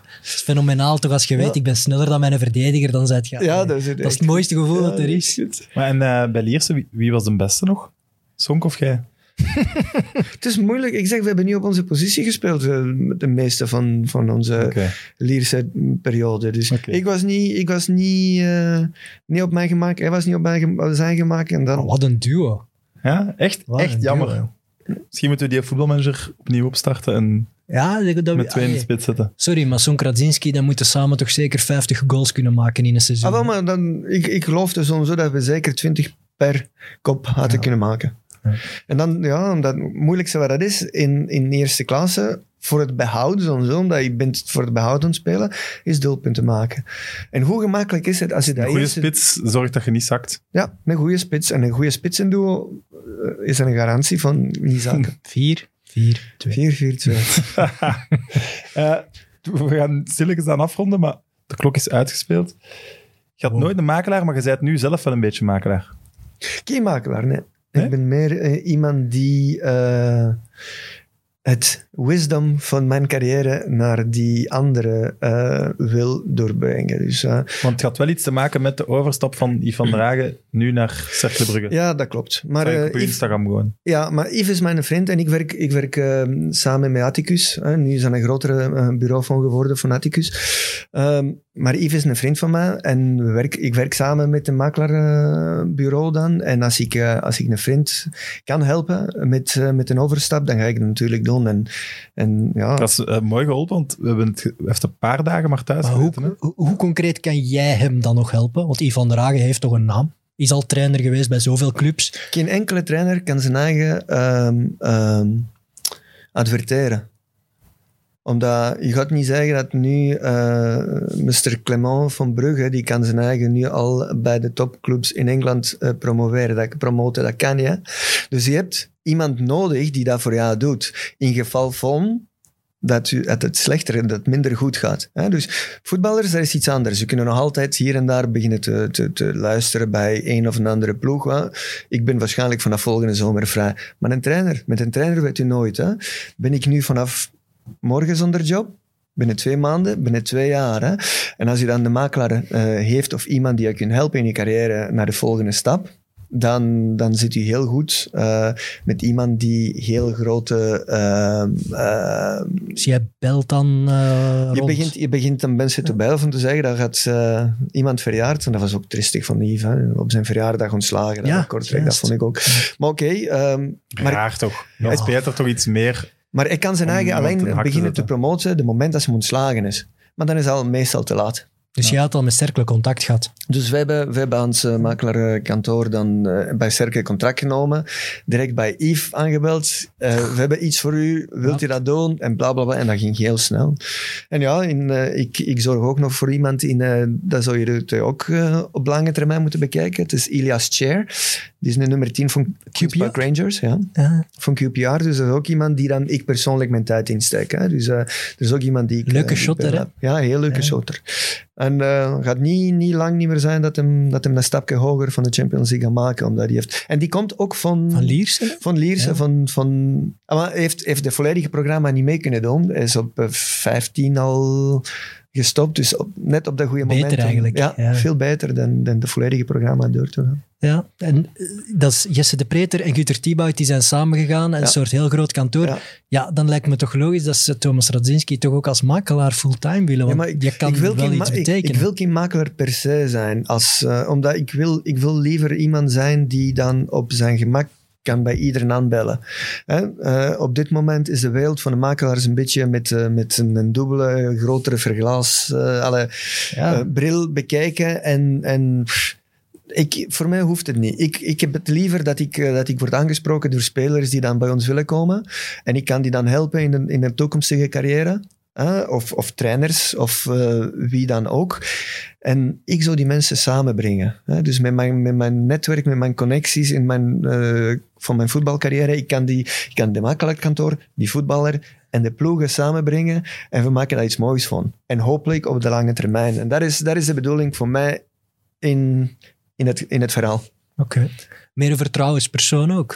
Ja, ik denk er ook, misschien ook soms meer geloofwaardig dan, dan de makelaar die iedereen op dit moment bekeek. Ja, dat is een, dat is een haaienwereld. Um, die dan alleen van jou willen Um, uh, ja, alleen voor het geld. Niks, ja. Alleen voor het geld. En, en als ze dan niemand hebben zoals mij, die dan on the sidelines alles zo relativeert en begint zo van... Ja. Ik heb het gemaakt bij, bij Germinal, hè. Bij Germinal. ik kom naar hier en ik heb iemand nodig die me kan helpen in mijn carrière. Hè? En dan Young Charlie is tot nu toe een vriend en die is in een familieleven nog altijd betrokken. En dat vind ik mooi. En dat wil ik ook voor die mensen, voor die spelers, voor de trainers die bij mij, bij ons komen, dat ik daarvoor kan zorgen met mijn ervaring, dus hopelijk die beter maken. Voilà, ik vind okay. het wel mooi. Ja, ik ook. Ja. We hebben, bij Friends of Sports hebben we ook een Premier League podcast, Kick and Rush. Normaal nemen zij vandaag op. Ze hebben voor ons geschoven, dus we gaan u naast een sixpack geven. Moest ik ook een vraag aan u stellen. Speelt je de Premier League Fantasy? Nope. Nooit gedaan? Nooit gedaan. Oké, okay, voilà, Liro, ik heb het gevraagd. En ik heb het nooit voetbalmanager gespeeld. Nee, en nooit heb, met jezelf gespeeld. Ik heb nooit FIFA gespeeld. Allee, jongen. Je moet toch altijd met jezelf spelen en Champions League winnen? Zou je met jezelf spelen? Je spreekt over de computerspelletjes. Nee, arrogant, hè? Allee, jongen. Je zit over de computerspelletjes. Ja, ja, ja. ja. Oké, okay, dan. Zo bij, bij, bij voetbalmanager met, met Radzinski... Uh, uh, nee, ik was... Uh, ah, Oké, okay, ik snap hem niet pas. Wat? En ik snap hem niet, wat? Je wacht met jezelf aan het spelen. Ach, ai, ai, ai, ai. ik, ben, ja. ik ben de grote... Klok uitgespeeld en het begint. Ik ben, ik ben een grote fan van uh, racing games. Dus een, een Forza... Ah, okay. Forza Motorsport. Ja. ja. Gran Turismo, ja. Jij voetbalt wel ook nog? Niet meer. Dat is gedaan. Ja, ja, door corona nu. Nee, ik heb, uh, ik heb vorig jaar... Uh, ik had geen, geen plezier niet meer aan voetbal gehad. Uh, okay. Ik heb meer plezier aan golf en aan padel. Ik heb gehoord dat jij op zeer korte tijd een zeer goede golfer Ik ben beter dan Song. ik, heb het, ik heb het zelfs niet van Song. Oh. Mark de Grijze dan of zo? Nee. nee ik ben... Alle ex-voetballers zijn aan het golfen. Niet allemaal, maar nou, weet je wat, je zoveel tijd naar je... Van der Sar ook trouwens, toch? Edwin ook, maar ja. ik weet niet hoeveel handicap er is. Dudek is aan één. Eén? Dudek, ja. Amai, en wat heb jij? Vier. Oh. toch mega goed. Sonky is, aan, Sonky is aan vijf en een half, denk ik. Of hij is gezakt. Typisch dat Sonky vijf en een half. oh. Goed, Thomas, dikke merci. Graag gedaan. Uh, ja, we hebben de klok helemaal uitgespeeld. Oh, ik had wel nog een vraagje. Oké. Okay. In uw per periode bij Fulham kreeg je dan korting bij Harrods? Ja. Huh? Ja, veel? Ik had in een kort, ja, eh nagelang van welke ehm, departement. Hè? Dus wij hadden zo'n Harrods card van, van Mr. Al-Fayed. En eh, als dat een Harrods branding was op de merchandise, dan kregen we meer korting dan bijvoorbeeld op Dolce Gabbana en Gucci. Zo. Zalig. Dat moest je nog weten. Ja, dat, elk familielid kwam toch gewoon naar Londen om een keer te gaan shoppen met die kaart. Ja. Nee, maar dat was, dat was echt dat was, dat was de moeite, omdat ja, eh, je, gaat, je gaat shoppen in Harrods en dat was niet de goedkoopste winkel in, eh, Nee. in, eh, in Londen. En die, die percentage die maakte dat een klein beetje goed. maar ik heb hem, ik heb hem ooit gevraagd om, om de brug te bouwen. Hè? Omdat ik woonde aan de overkant van de rivier van onze stadion. en ik ben... Ja, ik als ben- iemand dat had kunnen regelen. Of de als, ja, en, ja maar, maar weet je waarom? Hè? Dus ik, ik heb dan nooit het, ehm, eh, het connectie gehouden tot... Omdat, waar ik woonde, net naast mij, dat noemde Harrods Village. En eh, dat was, dat was een, een, ja, een, een development van, van een stuk of 150 appartementen. En dat was afgesloten. En net naast waren dan twee appartementsgebouwen dat ik woonde. En eh, ik heb dat ooit tegen, tegen hem gezegd, die Harrods Village, dat is toch, dat is toch voor jullie, hè? Kun je daar gewoon die brug over, overtrekken van de Harrods Village naar, naar Craven Cottage? Dan kom ik nooit te laat op de wedstrijd.